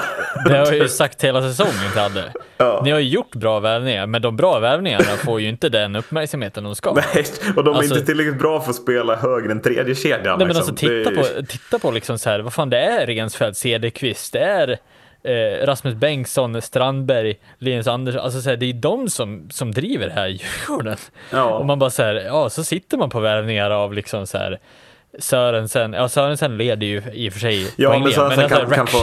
Vad Ja, Rakhshani, ja. fan? Eller hur? Rakhshani och? Holland. Hallå! Alltså det är så otroligt. och samma Matt Lorito-flopp. Paul Carey-flopp. Alltså, sluta värva kanadensare i Djurgården. Det är ju ingen som är bra. De suger ju allihop. Ta Ja. någon som liksom gör poäng nu för helvete. Ja, alltså Ja. Det, det är ju sanslöst. Matt Lorito, ja. Ja. Herregud. Eh, i, I alla fall, det var en ljuspunkt från Djurgården. Alla de värvningarna egentligen är en ljuspunkt för Djurgården, för de behöver allt ljus de kan få just nu. Eh, jag, jag vill också belysa Timbros. Alltså Lodin, han ser ut att ha sån potential att bara lyfta i SHL. Jag, jag känner det på mig. Jag såg det där målet han gjorde Ja, nej, på men det, det, är, alltså, det är ju en sån spelare eh, som varje SHL-lag skulle må bra av att ha. Eh, Mm. Victor, alltså, om inte Victor Lundin åker över och spelar i Nordamerika, vilket jag tror han kommer göra, så, så spelar han i SHL nästa år. Eh, för Mm. att han, han, han kan gå in i en tredje kedja och, och bryta mönstret i vilket lag som helst. Mm. Och det är ju det, är det som är hans styrka. Sen kanske han får lite för mycket ansvar i Timrå att göra poäng. Mm. Och Så, men jag håller med. Det, det finns ju en SHL-spelare, Viktor Lodin, vilket det kanske inte gör i Jens Löke exempelvis, som mm. ju jag tycker har enorma problem att få ut sina Alltså, det var jag ju inne på att han inte skulle få ut. Dahlén löste hans problem ganska bra. Nej, men alltså, I eh. Allsvenskan får Jens Löke ut, ut sina kvaliteter. Men SHL mm. är en nivå som Jens Löke inte klarar av. Eh, och, och, Tyvärr så bevisas det återigen här. Jag vet inte mm. om Jens Löke kommer... Alltså, han börjar bli, han är 97 så det, det börjar bli dags att visa att man klarar av SHL. Är min mm. känsla. Ja, men det, det handlar ju om, om, spelare som, som, behöver, som har utvecklingspotential och det har ju Viktor Lodin fortfarande mm. tycker jag. Löke känns lite fast eh, svetsad i, i det han har. Eh, att han inte har någon nivå som är, om inte man låser upp den genom att sätta en spelare som Dahlén bredvid honom för att låsa upp den typen av målskytte. Eh, det är väl det som vi, det var det vi trodde om Karlqvist skulle vara och där har man ju lyckats lösa det på det sättet att han känns ja, ganska ja, enformig, men ändå så har han levererat och jag tror att det är mm. lite samma här i Löke. Man måste typ antingen hitta ett sätt att låsa upp det eller så är det bara så. ja. Vet du vad jag ska, jag, jag ska pudla också. Mm. För jag sa att Ty Ratty skulle vara en usel värvning. Mm. Eh, på åttonde plats i poängligan och tredje plats i målligan. Där är han, från trettonde plats i tabellen, Ty Ratty. Eh, förlåt Ty, eh, men helvete vad Timrå... Förlåt Timrå? ja men nej, men inte förlåt Timrå. Men alltså... Ja, eller förlåt Timrå också, men eh, helvete vilken målskytt de har. Alltså mm. är, han är så, så näsa för att hitta mål Ratty, och det slutar inte. Jag tänkte att det började liksom lite som en fluga, men han har ju bara fortsatt nu 27 omgångar att göra mål. Eh, och blir tokviktig för Timrå i resten av säsongen. Så ja. Och en sån spelare som steppar upp liksom för ett Timrå där man ändå har en, alltså det är det jag menar också, man har en ljuspunkt man har, alltså så här, man har ett, vad, vad ska man kalla det, norrsken. ja. ja. Men alltså så här, att man har någon form av, där att, här, typ som Brock Little var i Linköping förra säsongen. Man mm. har någonting som går framåt, alltså ja, här, man har någonting som lyfter laget. Och det har man ju här, alltså då är det bara att börja jobba på de delar som är viktiga runt omkring så, börjar man, så kommer man börja ta poäng igen. Mm. Floppar då, ska vi ta det också? Um... Det ska vi göra. Jag, jag ja. säger ingenting. Eh, jag tänker börja. Eh, jag ska smälla Andreas Elfvik på fingrarna. Jag sågade de här tyskarna i eh, Skellefteå inför den här säsongen. Stefan Leubel och i, vad heter han? Tom Kuhnhackel. Kuhnhackel. Tom Kuhnhackel behöver väl ingen längre motivering till att det är en flopp tänker jag. Eh, spelar man i fjärde kedjan och kostar 200 000 eller något så är man en flopp. Eh, så enkelt är det. Stefan Leubel började ju väldigt bra och Adde fick ju vatten på den kvarnen då. Eh, men sen den 15 oktober så har Stefan Leubel gjort två poäng i offensiv riktning. Eh, ja, det är lätt att flyga i två månader. Det är svårare att flyga en hel säsong. Eh, jag tror inte att tyska liksom, toppspelare i del är redo att komma till SHL. Så pass mycket bättre än del är vi fortfarande. Och sen får Adde säga vad han vill. Ja, det känns, tyska, de där tyska värvningarna är eh, opolitliga. Enormt oh, opolitliga. Jo, alltså nej, inte, men... jag menar från tyska ligan, inte ja, att tyska verkligen. spelare, för jag menar vi har ju ändå Leon Draisaitl som är typ en av de bästa Jo, i världen, men det är ju, alltså, det är ju klart att, att eh. alltså, men just, alltså, värva inte från tyska ligan. Jag tror ja. inte generellt att det är en bra idé eh, för ett SHL-lag. Det är nog snarare allsvenskan som ska försöka titta där eh, Precis. och plocka spelare. Eh, ja, Punkt. Hade du någon fler? Uh, ja, uh, det har jag. Uh, jag tycker att vi, vi pratade kort om Juuso Pustonen i Örebro som en spelare som skulle kunna komma in och göra poäng. Mika Salamäkis poäng har inte kommit trots att han spelat alla matcher. och det är en spelare med erfarenhet från Nashville. Alltså, han spelat NHL, eh, Salamäki. Mm. Och jag tycker att där har det ju kommit alldeles för lite utdelning sett till vad han också kostar troligtvis, vilket är väl det vi får prata om. Eh, jag tycker också att Fredrik Händemark ska nämnas som en rejäl flopp när han kom in och borde ju kunna driva en andra, en andra, liksom, andra kedja bakom Carl Söderberg, tänker man, med bättre utfall än vad han har gjort nu. Det är väl de tre spelarna jag tänkt på, eller fyra. Konakel, Loibel, Salomäki, Händemark. Är det någon ni missar? Hela Färjestad. eller, ja. Vi, har ju, vi sa det innan, så vi ska ju typ inte ens ta någon från Djurgården heller, för att det känns som att hela Djurgården har misslyckats. Ja, men det känns men, som vi har pratat också liksom, till ja. dödsdagar om den här ja, säsongen i och med att Adde sitter med i podden. Alltså, det, det är ju, alla fattar det, ju att det känns ju så jävla ovärdigt att bara Linus Ska vi nämna Linus Widell? vi har pratat om liksom, två avsnitt om Linus Widell. Vi behöver inte nämna någon som en flopp här kan jag känna. Ja, eh, ja det, det gläder mig att du har liksom eh, ändå bara tagit en spelare som jag hade med på den här listan. Ja. Men alltså så här, jag måste ju ändå, någonstans vill jag typ floppa hela den värvningen. Men Jacob de la Rose, alltså är det en så jävla bra värvning egentligen till Färjestad? Han är med i landslaget hela jävla tiden, så ja. någonting har han väl. Men eh, men alltså Nej, helt seriöst, alltså den värvningen av Jakob Deroth, nu säger jag inte att han är en dålig hockeyspelare, men så bra är han inte som, som folk lyfter upp honom till. Sen, eh. sen är, är det väl det här med att hans mamma gick bort, att man, kan, man kanske ska ta det lite lugnt med att kritisera för mycket. Att, att om ja, man får ja. smälta det lite mer och komma tillbaka så kan det ju. Men, mm. men ja, på förhand så tycker inte jag heller att, att värvningen som du säger är särskilt liksom, intressant. Ja, nej men alltså det snackas om att Jakob Delarose är liksom en toppcenter i SHL. Och jag tycker inte att han håller de kvaliteterna som han gör. Och därför har jag satt honom som flopp i den här säsongen. Alltså, här... Jo men sen är det väl, Leksand ville ju ha ute Della Rose. Det var väl liksom, hade, hade de vunnit den kampen hade ju inte Mikael Rohoman kommit till Leksand. Och då vet ju jag vem jag hade valt eh, före liksom. Eh, ja. ja. av de två. Eh, ja, även på ja, förhand. Att, mm. och jag, jag, tror bara att så här, Della Rose är inte eh, just där han är just nu så är han inte en toppspelare i SHL. För att han, han har fått alldeles för lite tid borta i Nordamerika för att vara på den nivån. Jag menar, titta på Carl Söderberg. Man plockar en, en spelare som spelar i princip i Colorados tredje kedja i slutspelet. Mm. I ett Colorado som var bäst i hela ligan. Det är klart att det, det är en spelare som kommer hit och dominerar SHL. Man kan inte plocka en spelare som typ ja, haft lite till och från i NHL och tro att han ska komma in och vara liksom en toppcenter. Nej, och när han har varit inne har det varit väldigt mycket fjärdekedjebrunk också. Det är ja. det här jag menar att man måste titta på Per Järvi och Delaros och jämföra dem med Carl Söderberg. Vad är det man, mm. som kommer hem? Det, visst, det är NHL-spelare alla tre. Mm. Men det är fortfarande en center som har haft en roll som har varit hyfsat offensiv i, mm. liksom, alltså i Carl Söderberg jämfört med vad Per Järvi och, och eh, vad heter han? Delaros har haft för typ av roller. Det är väl mm. lite det man känner att... Mm. Ja, precis. Och sen har väl jag så här, ah, jag tog med Händemark också. Det, det, det, ja. det, känns som en given. Jag, jag trodde mycket högre om Händemark eh, i och med att han, han dels spelade ganska så bra borta i, i Detroit. Eh, och San sen gick han San Jose till och med. Eh, vem fan var det som gick till Detroit nu? Tappade Lucas Raymond. Men ja. Jo, men Raymond är ju väldigt lik honom. ja, nej, skit i det. Ja. Men hade du någon mer sista? Annars kan vi stänga SHL eh, efter en och en halv Thomas, Thomas i Leksand, det är många som håller med om. Han ja, just det. Jätteotroligt dålig. Ja. eh, I ett ganska bra Leksand också. Eh, och så, så här, vad jag har hört och sett också, han är väldigt ointresserad spelare generellt. Ja. Mm. Så att, ja, det var min sista lilla eh, flopp. Och, och där tar vi en bumper så vi hinner prata någonting om allsvenskan.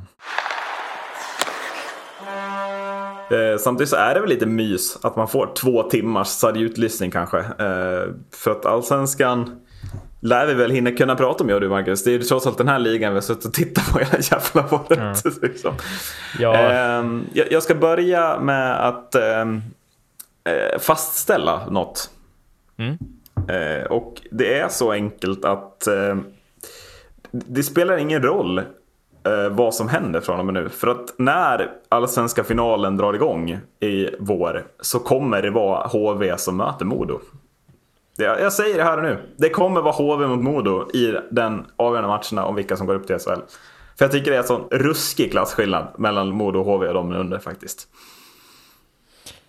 Det gläder mig att du säger det. Ja, det förstår jag att det ja, Jag trodde inte att jag skulle sitta här och hålla med dig heller. Eh, efter, efter 28 ja, 30 omgångar eh, ishockey så trodde jag faktiskt inte någonstans. Alltså jag trodde mer på att, eh, ja, jag vet inte vad jag trodde mer på. Jag trodde eh, framförallt mer på att eh, Björklöven skulle vara det laget som var de som skulle utmana om, om titeln eh, med, mot HV. Ja, eh, Västerås vilket... hade jag hoppats mer på också, ja, måste jag säga. Ja, givetvis. Sen säger jag ju inte att de inte har chans. Björklund är ett jättebra lag de också. Det är och Västerås också. Lag. Det måste vara ja. de två som har högst chans bakom. Jag kan inte tänka mig eh, Precis. Nej, och det är fantastiskt att se. Alltså så här att, att man, man gick in i en säsong där eh, man nästan svor i att HV var så favorittippade i att de skulle vinna det här så otroligt enkelt. Och det känns ja, det otroligt... började ju inte jättebra. Nej, nej, nej. Det, det, det kan vi inte sitta det var, det var många poäng där ett tag. Då ja. kände man lite uppgivenhet. Men nu så känns det som att, ja, HV har gnetat sig in i den här allsvenska säsongen och börjat inse att fan, det är inte så jävla enkelt att åka och vinna mot Almtuna borta helt plötsligt. inte hemma heller senast. Nej. nej, nej, men och, det, det, återigen, alltså, om vi, ska, vi börjar med HV då. Men, men alltså HVs, HV när inte Simon Önerud är med. Alltså det blir oväntat tunt på forwardsidan. Alltså mm. Fredrik Forsberg och Tyler Wessel är jätte, jättebra. Mm. Men jag trodde inte att Måns Lindbäck, Brunna Davidsson, Sion Nybäck. Alltså jag trodde inte det skulle vara så pass tunt bakom. Det känns som att det fanns möjlighet till tre liksom, superproducerande kedjor, men det är ju inte det. Det mm. är en kedja som producerar, sen är det två, tre som liksom producerar halvbra typ. Mm. Alltså nu, nu ska vi inte så här, eh, kasta för mycket skit på den forwardsidan, för jag tycker ändå att bröderna Davidsson och Sion Nybeck är ju bra spelare. Nej, generellt. det är de inte. Det är det här jag säger. Det, det, det, det, det är här, de, här pratar vi precis som om det var Malmö, eller vad det, där vi sa överskattade. Men de är överskattade. Alltså Modos mm. andra kedja med liksom, vilka har ni där? Mikkel Ågård, Filip Svenningsson och Erik Karlsson. Det är en ja. bättre kedja än HVs andra kedja. Alltså det är en bättre andra kedja än vad HV har. Och då tycker jag att HV rent namnmässigt har ett mycket namnkunnigare lag. Mm. Eh, utan, och, och det här är då sagt utan Simon Önerud. För med Simon Önerud i den andra kedjan så kändes det som att HV hade två producerande kedjor. Medan nu känns det som att det bara är en när Önerud inte finns med på något sätt. Jag, jag tycker det är en oväntad svaghet hos HV. Jag vet inte mm. om du håller med. Men att det känd, jag trodde verkligen inte att Öneruds out skulle betyda så mycket för HV. Ja, nej, jag håller väl med egentligen också. Så här, Önerud, alltså bara av själva känslan av Önerud generellt, så han, han är sån otrolig ledarskapsspelare på isen. Och han, han spelar med sån pondus på något vis som inte de andra spelarna riktigt besitter. Alltså, nej, ver nej, verkligen, verkligen. Och, och, och det tror jag signalerar en helt annan typ av alltså så här utåt så är det så viktigt med kroppsspråk. Alltså så här att, att bara man ser en spelare som sliter så mycket med sitt hjärta som Önerud gör för den här klubben, verkligen mm. i och med att han också följer med ner i allsvenskan och gör den här resan, är ju bara det liksom så här ett bevis på hur mycket han bryr sig. Och, och, och, jag tror att det, jag tycker att det syns så väldigt väl när Önnerud spelar också att det här är, alltså det är på liv och död för honom. Det här är liksom så här, han ska upp, det, han skiter i hur han gör det, men mm. han, det är bara det, alltså så här, han har den här andan liksom i hur han spelar. Och det tror jag eh, betyder mer än vad HV själva trodde. Ja, ja men jag tror, jag tror, alltså jag, jag tror verkligen det också. Det, det, det är bara, jag, jag tycker att det är jag är så genuint förvånad bara att HV, liksom, att det är så pass många spelare bakom Wessel, Forsberg och Önnerud som inte når högre. Alltså jag tycker mm. liksom Pontus Netterberg, Jonathan Davidsson, Marcus Davidsson, Jesper Kukkonen. Det finns så mycket SHL-rutin där.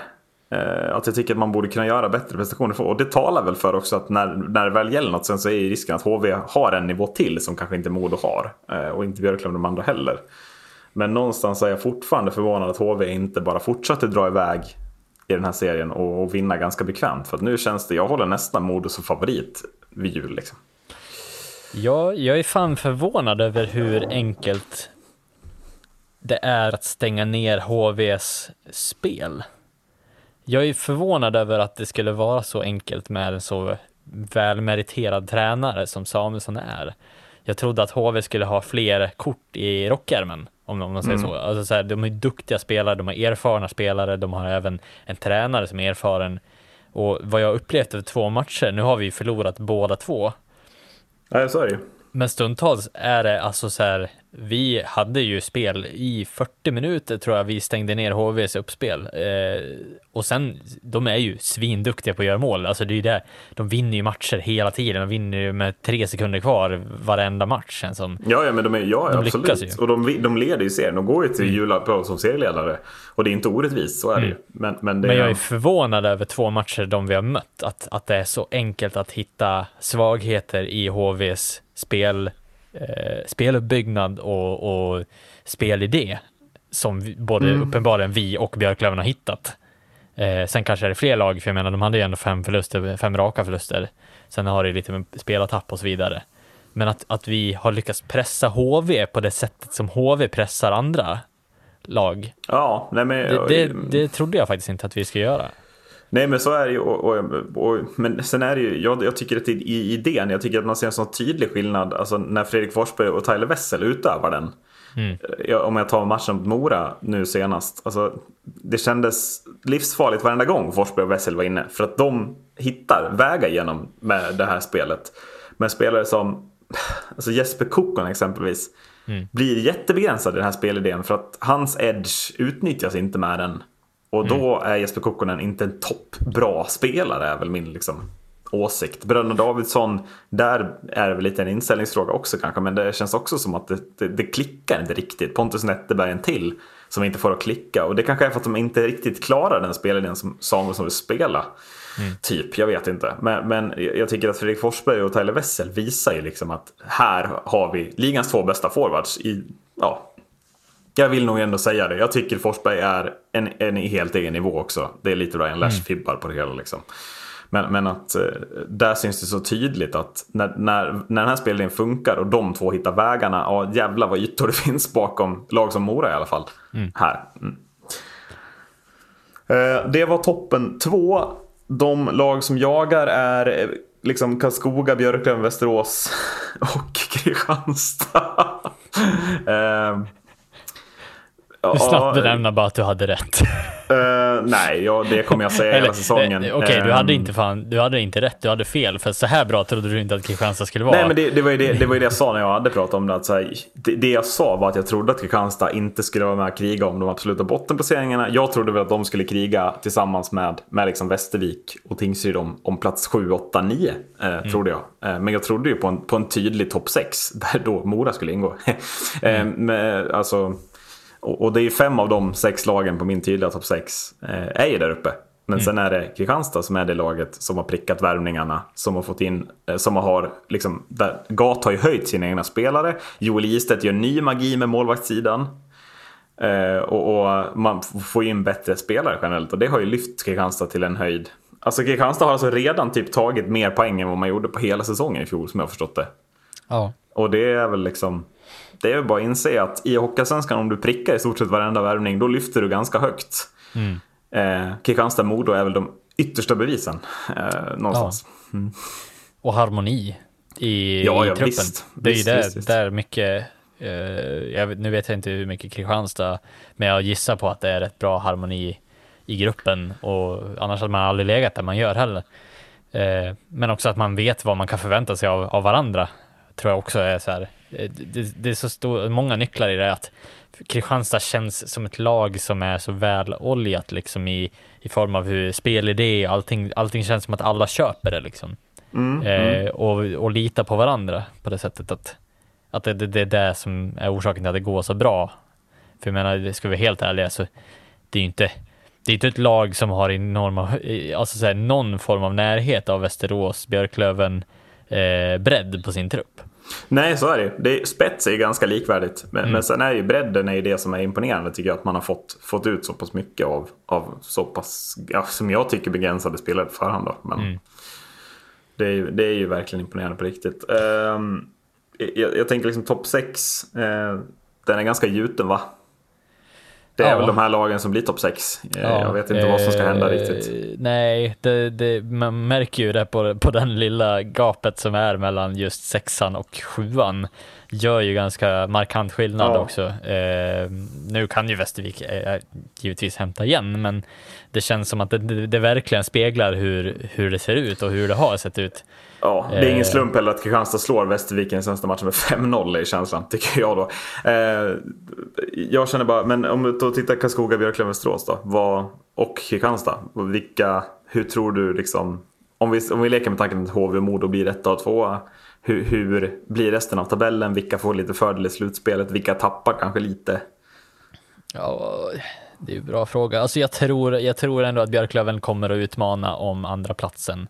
Mm. Eh, det finns, alltså så här, vi ska också vara öppna med att Björklöven saknar Francis Perron och Fitzgerald som är två spetsspelare som verkligen hade gjort skillnad tror jag. Eh, Axel Ottosson är ju en otrolig spelare, jag sa det ja, innan där var du rätt på det.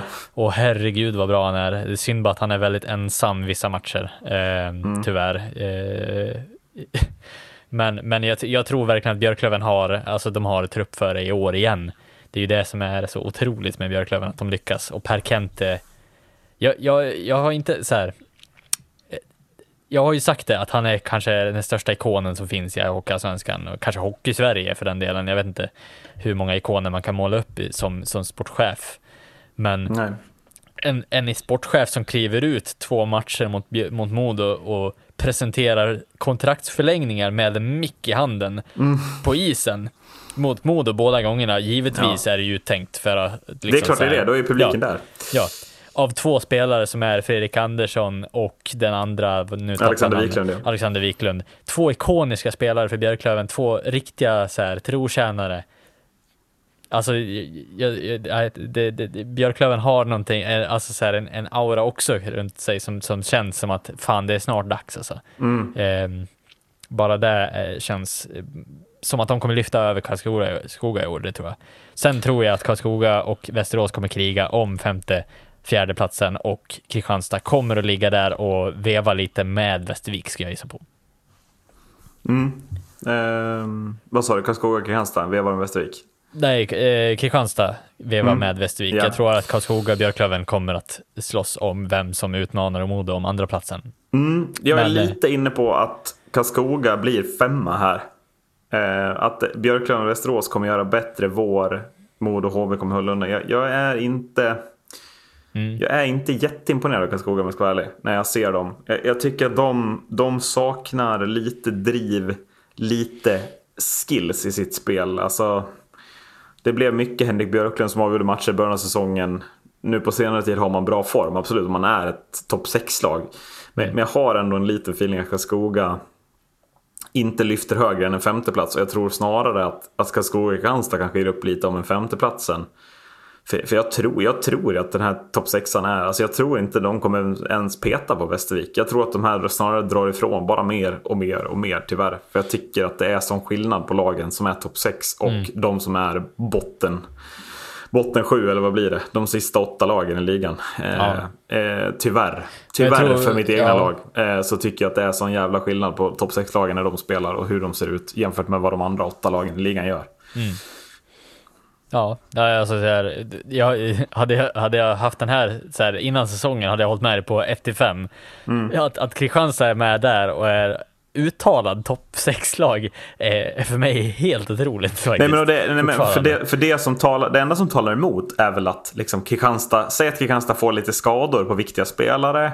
Det börjar gå lite trögt. Alltså då, då finns ju ändå risken att Kristianstad faller. Jag tycker att är det något lag som ska falla är det i Kristianstad. Det håller jag med om verkligen. Eh, att, men jag tror inte man gör det bara av egen kraft. Utan då ska det nog till liksom, lite skador från Varo eller alltså något sånt. Eh, mm. För att det ska bli riktigt illa. Liksom.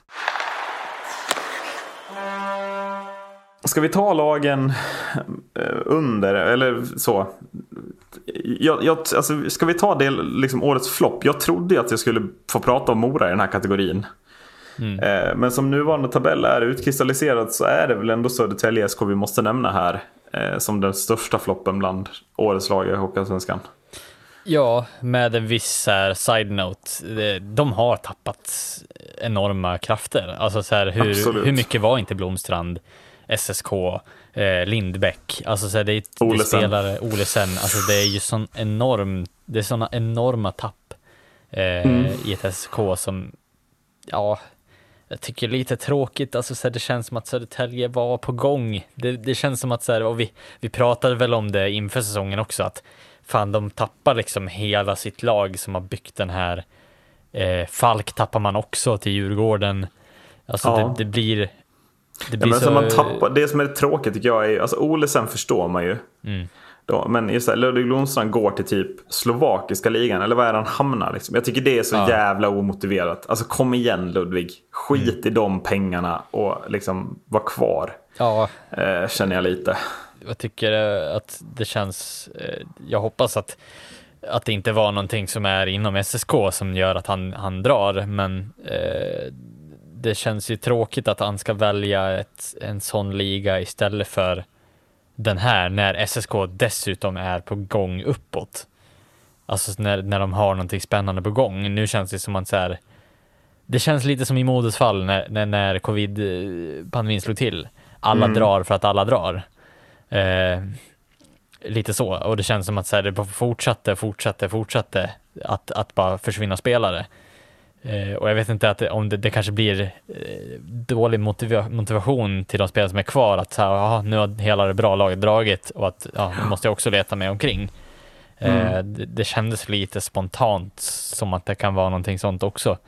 Men Ja, nej, alltså, jag, jag, tycker bara det är tråkigt att Södertälje som ändå så här, det kändes verkligen som att de var på gång har hamnat där de har hamnat och de är inte bättre än sådär tyvärr i år. Eh, vad man Nej, men jag tycker de är oväntat dåliga ja. eh, ändå. Alltså man tog ändå in Colin Smith, Tobias Lindberg, Felix Olsson, eh, Jonathan Harju. Alltså det var ändå forwards som gjorde rätt mycket poäng i Hockeysvenska förra året. Eh, visst, inte i några topplag, det ska jag absolut säga. Men, men jag trodde ändå att, att liksom...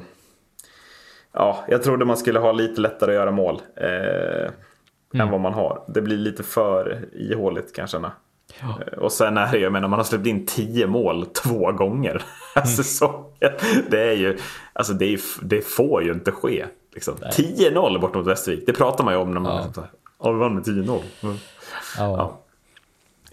Eh, I övrigt då, Eh, jag tänker, ska vi... Alltså, typ Västervik. Urplock. Alltså jag, ja, känner, jag vill inte prata om Vita Hästen. Alltså, jag, jag, jag Nej, får ont i men magen. Jag, jag, ska ta en rolig, eh, jag ska ta en rolig liksom, så fakta eh, för dig, Marcus. Eh, om, om, vi nu, om lagen håller sitt nuvarande poängsnitt eh, så slutar AIK på nionde plats på 64 poäng. Mm. Eh, Tingsryd 10 på 60, Vita Hästen eh, slutar på 56. På 11 Södertälje Almtuna på 54 båda två och 12 13 beroende på målskillnad.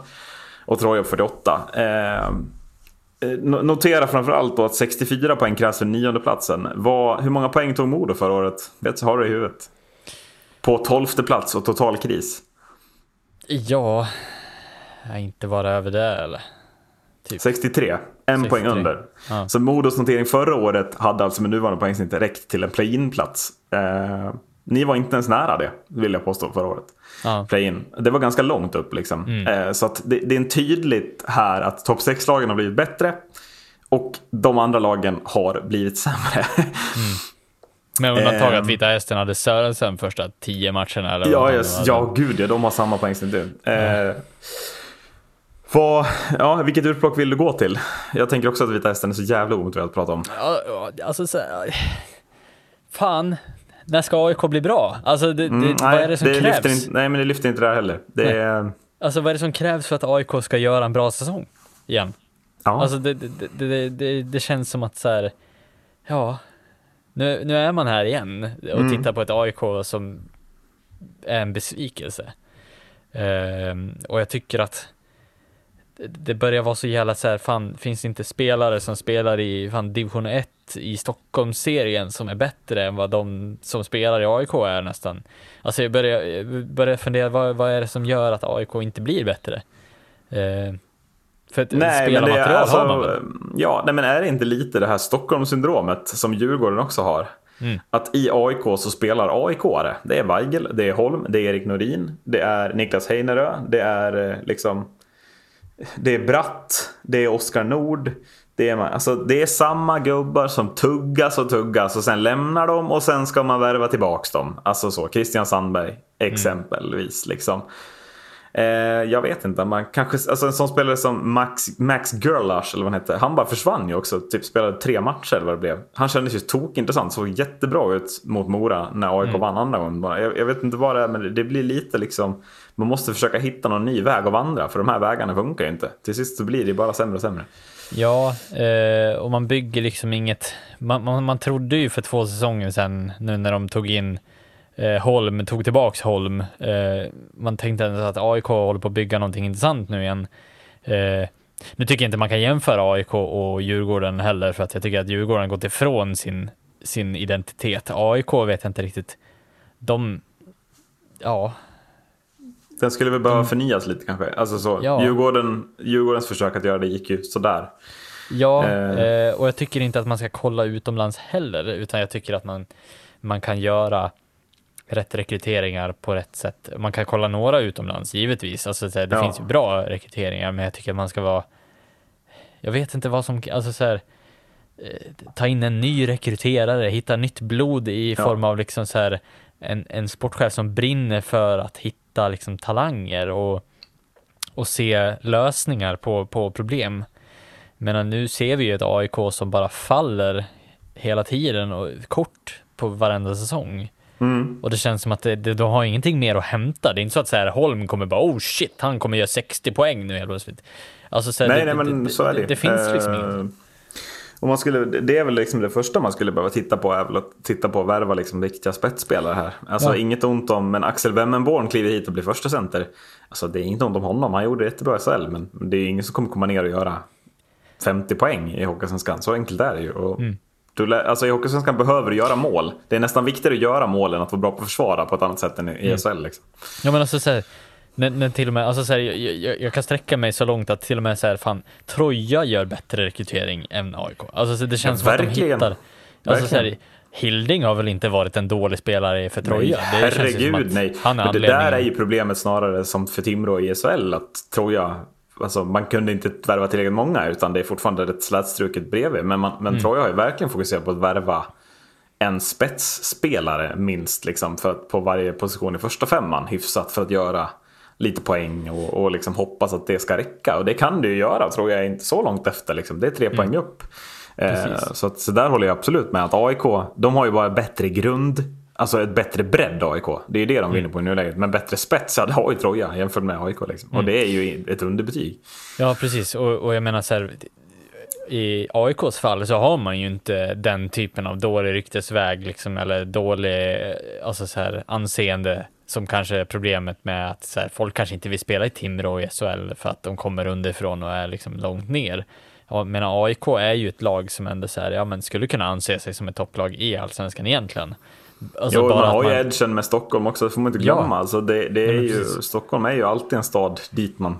Alltså, men som hockeyallsvensk spelare så blir det ju, alltså det är ju inte så att man är den i förhållandet som väljer vart man ska spela nödvändigtvis. Utan man mm. tjänar ju runt 30-35 tusen. Jag menar har man då en sambo som kanske har ett jättevälbetalt jobb och får ett bra betalt jobb som chef i Stockholm. Mm. Då, då, kanske, då kan det ju allsvenskan bli mest bara att man får flytta med och spela i AIK. Liksom. Eh, mm. och det, där har man ju den. Men, men AIK hittar inga sådana spelare heller tycker jag. Utan det är ju återvändande stockholmare hela tiden. Så. Ja. Man hittar ingen som, alltså, tycker jag, som, som känns intressant utifrån som, som kommer in och, och förstärka. Liksom. Ja, och nu har inte jag någon så dunder, alltså så här, jag har inget dunderkoll på AIKs matcher så, men hur mycket lyfter man juniorer från egna ledet, tänker jag också. Eh, hittar man några hittar man några guldkorn då och då? Alltså jag menar så här, det, det känns ju som att eh, nu kan jag bara utgå ifrån de lagen jag har sett, men alltså så här, man ser ju Björklöven, Modo, eh, HV, alltså så här, lyfta unga killar som, som verkligen kliver fram och är bra mm. och verkligen kan vara framtiden eh, över tid. Och det tycker jag det är dags att AIK börjar titta på den vägen också lite mer än vad man har gjort. Kanske tänka att så här, fan, Anton Holm kommer inte vara kvar hur länge som helst heller. Han kommer inte kunna spela hockey hur länge som helst till. Eh, och, och, jag vet inte vad som är nyckeln för AIK egentligen, om det är att lyfta juniorer mm. i kombination med att det man värvar lite spännande spelare. Men... Jag tänker att man behöver lyfta in någon, dels både värvningar utifrån och juniorer som man inte riktigt vet vad man får ifrån. Mm. Alltså, så här, AIK består ju nu av Fredrik Weigel, Anton Holm, Erik Norin, Christian Sandberg. Det här är spelare som man vet exakt vad man får ifrån. Mm. Exakt vet man. Av Weigel får man 7 plus 30, av Holm får man 15 plus 20 kanske. Liksom. Det vet man att man får. Men man behöver ju hitta. En sån som Görlach kändes ju tokintressant. Han hade ju kunnat gjort 50 poäng från ingenstans. Men han får knappt chansen för att han inleder med en skada. Alltså det är lite det där att det blir...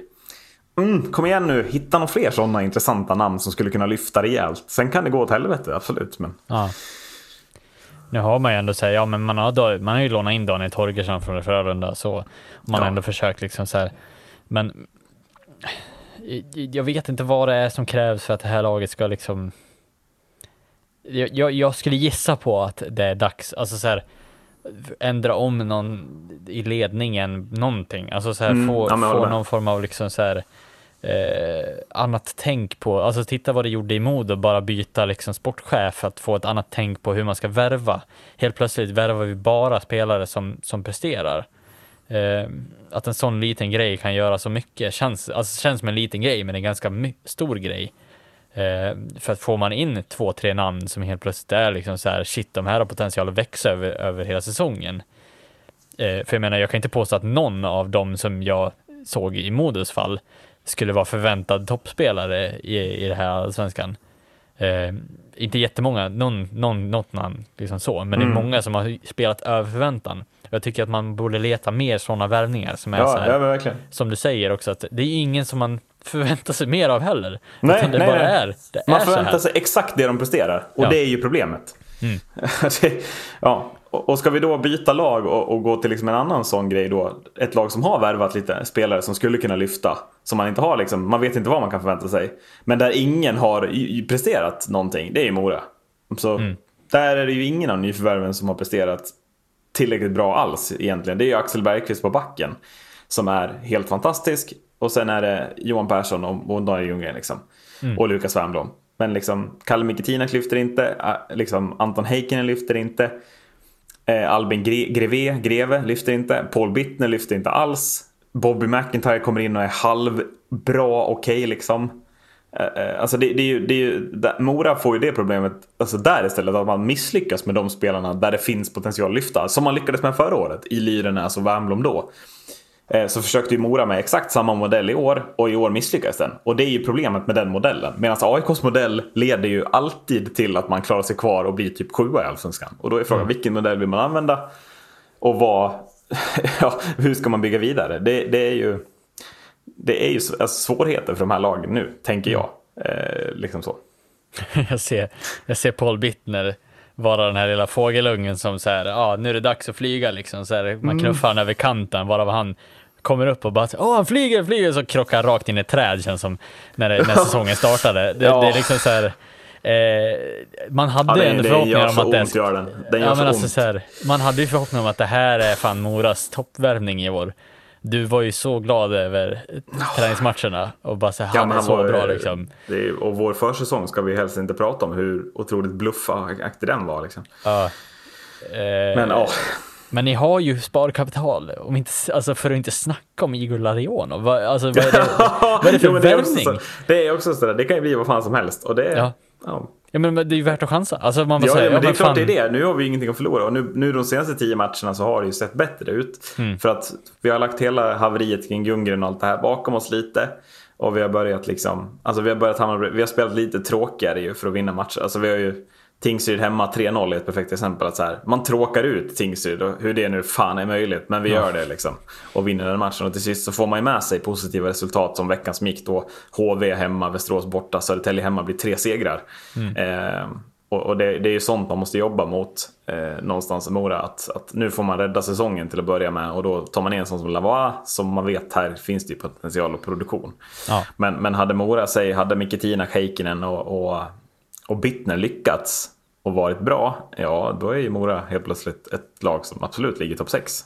Eh, mm. Det är ju utan tvekan liksom. Men, men det, är, det är intressant att se två modeller som både kan lyckas och misslyckas. Att satsa på kontinuitet som AIK, eh, som ibland går jättebra en hel säsong. Eh, eller att satsa på Mora med chansningar och unga spelare med mycket potential. Som går jättebra en säsong och sen åt helvete andra säsonger också. Mm. Ni bygger ju väldigt likt Modo på något vis. Alltså vad jag Både kan och så här, skulle jag säga. Eh, Alltså in, inte i form av så här spelartyper kanske så, men den bygger ju ändå så här, ja men eh, stommen är ju inhemsk eller alltså så här baserad Mm. från ja, de spelare man plockar från egna ligorna och sen så försöker man fylla på med Lavois, McIntyre. Alltså så här, det känns som att den ni försöker ändå spetsa till det lite med några kryddade utlandsspelare för att få det att lyfta. Nu är det lite intressant att se om Igor Larionov verkligen lyfter, för jag tycker ju värvningen av Lavois är ju en väldigt stark värvning att göra av Mora. eh, men det, det, det, han kommer ju som en skänk från ovan. Liksom. Ja. Vi har pengar över, Västerås, han får det inte att lyfta där. Västerås gillar inte hans spelstil i deras sätt. Mm. Han kommer ju som en skänk från ovan att han kan komma in. Eh, liksom så. Eh, men sen är det ju, skillnaden tycker jag är ju att Mora återigen misslyckas med att bygga en centersida. Eh, Ja. Alltså om, om, vi, om vi bara tittar liksom lite på lagen i toppen. Vi pratar HV, där första två centrarna det är Tyler Wessel och Marcus Davidsson. Modo, ja vad, vad saknade Modo? Ja det kanske var centrar. Värva Sam Vigneault och Erik Karlsson. Mm. BIK Skoga, vilka har vi där? Eh, nu tar jag dem väldigt på uppstuds men, men så. Där, där är det ju David Lindqvist är ju jättebra. Sen har man ju värvat han Julius Persson. Eh, Västerås kör ju in Micke Frycklund för att stärka och har ju han eh, Hakkarainen eller vad han heter. Alltså, jag tycker det är så tydligt att lagen topp 6 eh, man kliver in med två rejält starka första centrar. Eh, jag tycker att det är tydligt att från Västervik och neråt så ser vi max en bra center. Eh, Och att hur viktig centrarna är i Hockeysvenskan, att man har bra centrar, måste kanske Måste kanske lyftas återigen eh, någonstans. Eh, Mora har inte haft en bra centersida sen vi gick upp i SHL. Jag tycker att vi i SHL också misslyckades kapitalt med att värva till oss en brett bra centersida, tyvärr. Eh, så det, det är väl någonstans där jag tycker problemet finns. Mora satsade på Måns Karlsson som center, det gick inte alls. Bakom honom skulle Kalle Miketina lyfta, han fick jätteroll som andra center. Och jag menar, det är inte så kul att vara Daniel Ljunggren sist, att vara den enda centern med superansvar och sen tre ganska mediokra, tyvärr då. Eh, känner väl jag. Men jag tycker att Modo, det är ju den skillnaden jag ser. Det är att Modo, Modo man bygger med en svensk ungstomme, unga spelare som kommer upp, utvecklingsprojekt och sen fyller man på med, med spetsspelare. Men Modo fyller på med de två bästa spetsspelarna kanske eh, på centersidan i Viggen och Erik Karlsson. Jag tycker Erik Karlsson är väldigt underskattad exempelvis då. Typ, kanske. Eh, ja, nej men det är väl bara att vi sänder meddelandet igen till Almtuna, Vita Hästen och Tingsryd. Det, det är för tråkigt. vi, vi tar toppar och floppar nu innan vi stänger det här två timmars avsnittet av Sarg ut, tänker jag. Toppar och floppar. Jag börjar Marcus och lyfter fram hela Modos första femma. Eller Mar- jag, jag tänker Marcus Modiks, Sam Vigneault, Riley Woods, Daniel Bernhardt, Pontus Nässén. Sällan har man väl sett fem värvningar som fallit så otroligt bra ut samma säsong. Vilken klass. Ja, herregud ja. Ja. Eh, och ingen sämre än den andra känns det som. Nej, Eh, det är så. Vad är det? Ja. Ja, Jag, jag, jag trodde aldrig jag skulle säga det, men eh, dra åt helvete vad bra vi har Mm. hittat de här spelarna och satt ihop dem. Eh, Vi hade problem i powerplay, man löser det genom att sätta ihop dem i powerplay. ett nytt powerplay. Jag tycker att det är eh, uppseendeväckande nu att vi har börjat generera powerplay och det är Bernhardt som tillsammans med Nässén och Riley Woods är drivande i Ja, nej, de det är- offensiva produktionerna. Det Sen är, är, alltså, Vigneault ska ju också nämnas i det här. Han, Ja, han nej, är, men det är ju det är helt. Ni värvar ett nytt powerplay som är klass rakt av. Alltså Ja. det jag, jag är så imponerad. Så jag, ja, jag vet inte. Vad har du för toppar? ja, ja, jag lyfter fram hela Modos första serie. Det var, det, Nej. jag menade. det var lite därför jag lyfte fram dem. Så Ja. att du inte skulle göra det. Nej, utan nej, du ska men, få ta eh, några från andra lag. jag Vilka vill bara- jag vill- tycker du liksom? Jag vill bara inte hålla med dig om eh, seriens bästa forward, för seriens bästa forward det är Marcus Modigs, eh, inte Fredrik Forsberg som du sa i början. Nej, jag, jag det, ville bara hålla där, det till. där, det stänger vi direkt. Där har du fel. Det är Fredrik Eh, Forsberg, utan tvivel. Ja, jag, jag, jag, bättre med när man det inte håller det med är inte varandra. en diskussion. det, är- det är, ja. Bättre, bättre content när vi inte håller med varandra. eh, nej men jag tycker så här, fan, Tyler Wessel, alltså dra åt Ja. helvete vad han har lyft i HV ändå. Eh, jag tyckte han var bra i Björklöven, han har blivit, om inte ännu bättre i ett Mm, HV. Och verkligen visar fram att så här, jag menar kvaliteten i HV generellt är ju SHL-kvalitet på många spelarna. Men att Wessel går direkt från allsvenskan till allsvenskan igen och visar att han är en toppspelare i, ska man säga, ett, ett SHL-lag i allsvenskan är ju ett toppbetyg och jag tycker att det bör vara iakttaget av lagen ovanför. Mm. Eh, för jag tycker att det, nu börjar det visa sig att så här, han och Fredrik Forsberg, det syns ju på dem att de ska ju spela SHL, som du säger också. Alltså det är ju, ja, det är ju nej, liksom, det... det är sån klass på dem. De, Ja. de hittar ju mål jämt. Ja, Allt alltså, de skjuter på är farligt. jag, tycker att de tillsammans också har hittat något som, som skulle kunna bilda en tredje kedja i ett SHL-lag nästa år som satsar lite. Eh, de får lite speltid i powerplay kanske också då. Eh, ja, det skulle vara intressant att se i alla fall för att kvaliteterna finns där utan tvivel. Ehm, ja, någon mer spelare Ska, att lyfta? ska jag lyfta den så du inte tror jag skulle lyfta? Ja, det kan jag göra. Ja, att jag skulle behöva... Mora-spelare nu? Nej, att jag skulle Nej. behöva nä- benämna dem i den här podden ändå. Men Marcus Eriksson i, i, i, i Vita Hästen. Alltså Ja. är, det, är, är det liksom... Ja, Men kan han bara sluta så att Vita Hästen åker ner någon gång? Det är liksom den allmänna uppfattningen.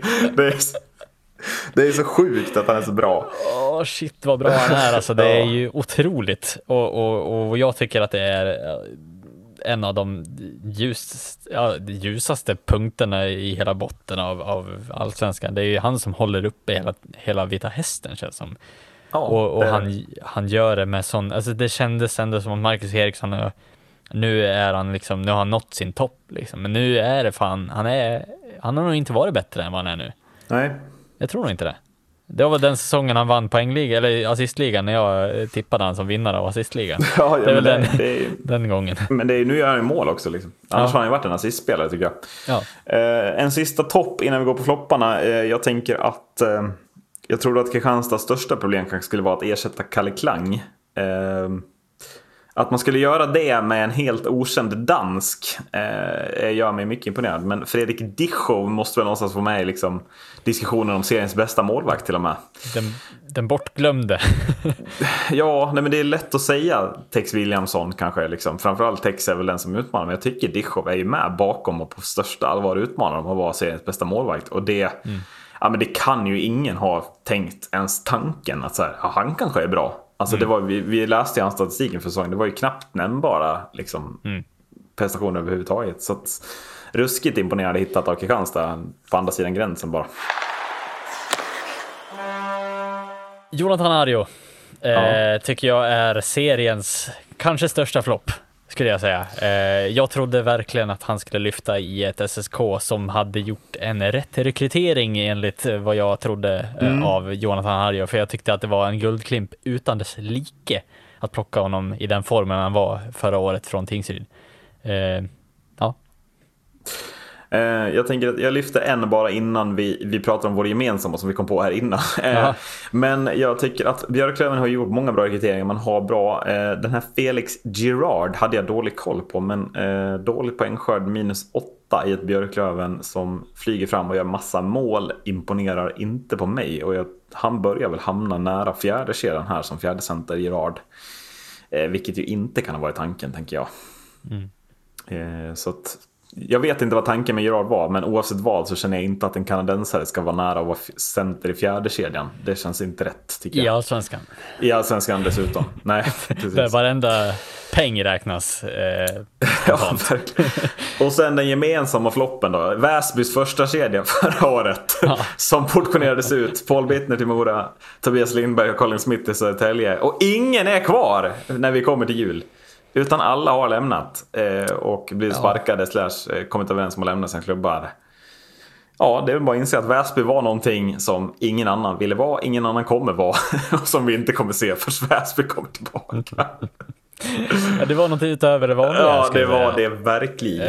Eh, de spelade ju hockey på ett sätt som ingen spelar hockey känns som. Eh, det Nej. bara var full fart framåt och ingenting annat. Nej, och är verkligen för lite krav ju på, från tränarhåll. Ja. Eh, både på fysik, på hemjobb, på defensivt arbete. Utan väldiga fria roller offensivt. Gör din grej och då såg det bättre ut än vad det var. Mm. Eh, för med facit i hand så kan ju inte tre spelare falla samma öde. Utan att det är ju blir bara- en slutsats att ja, nej, de var fan inte bättre än sådär.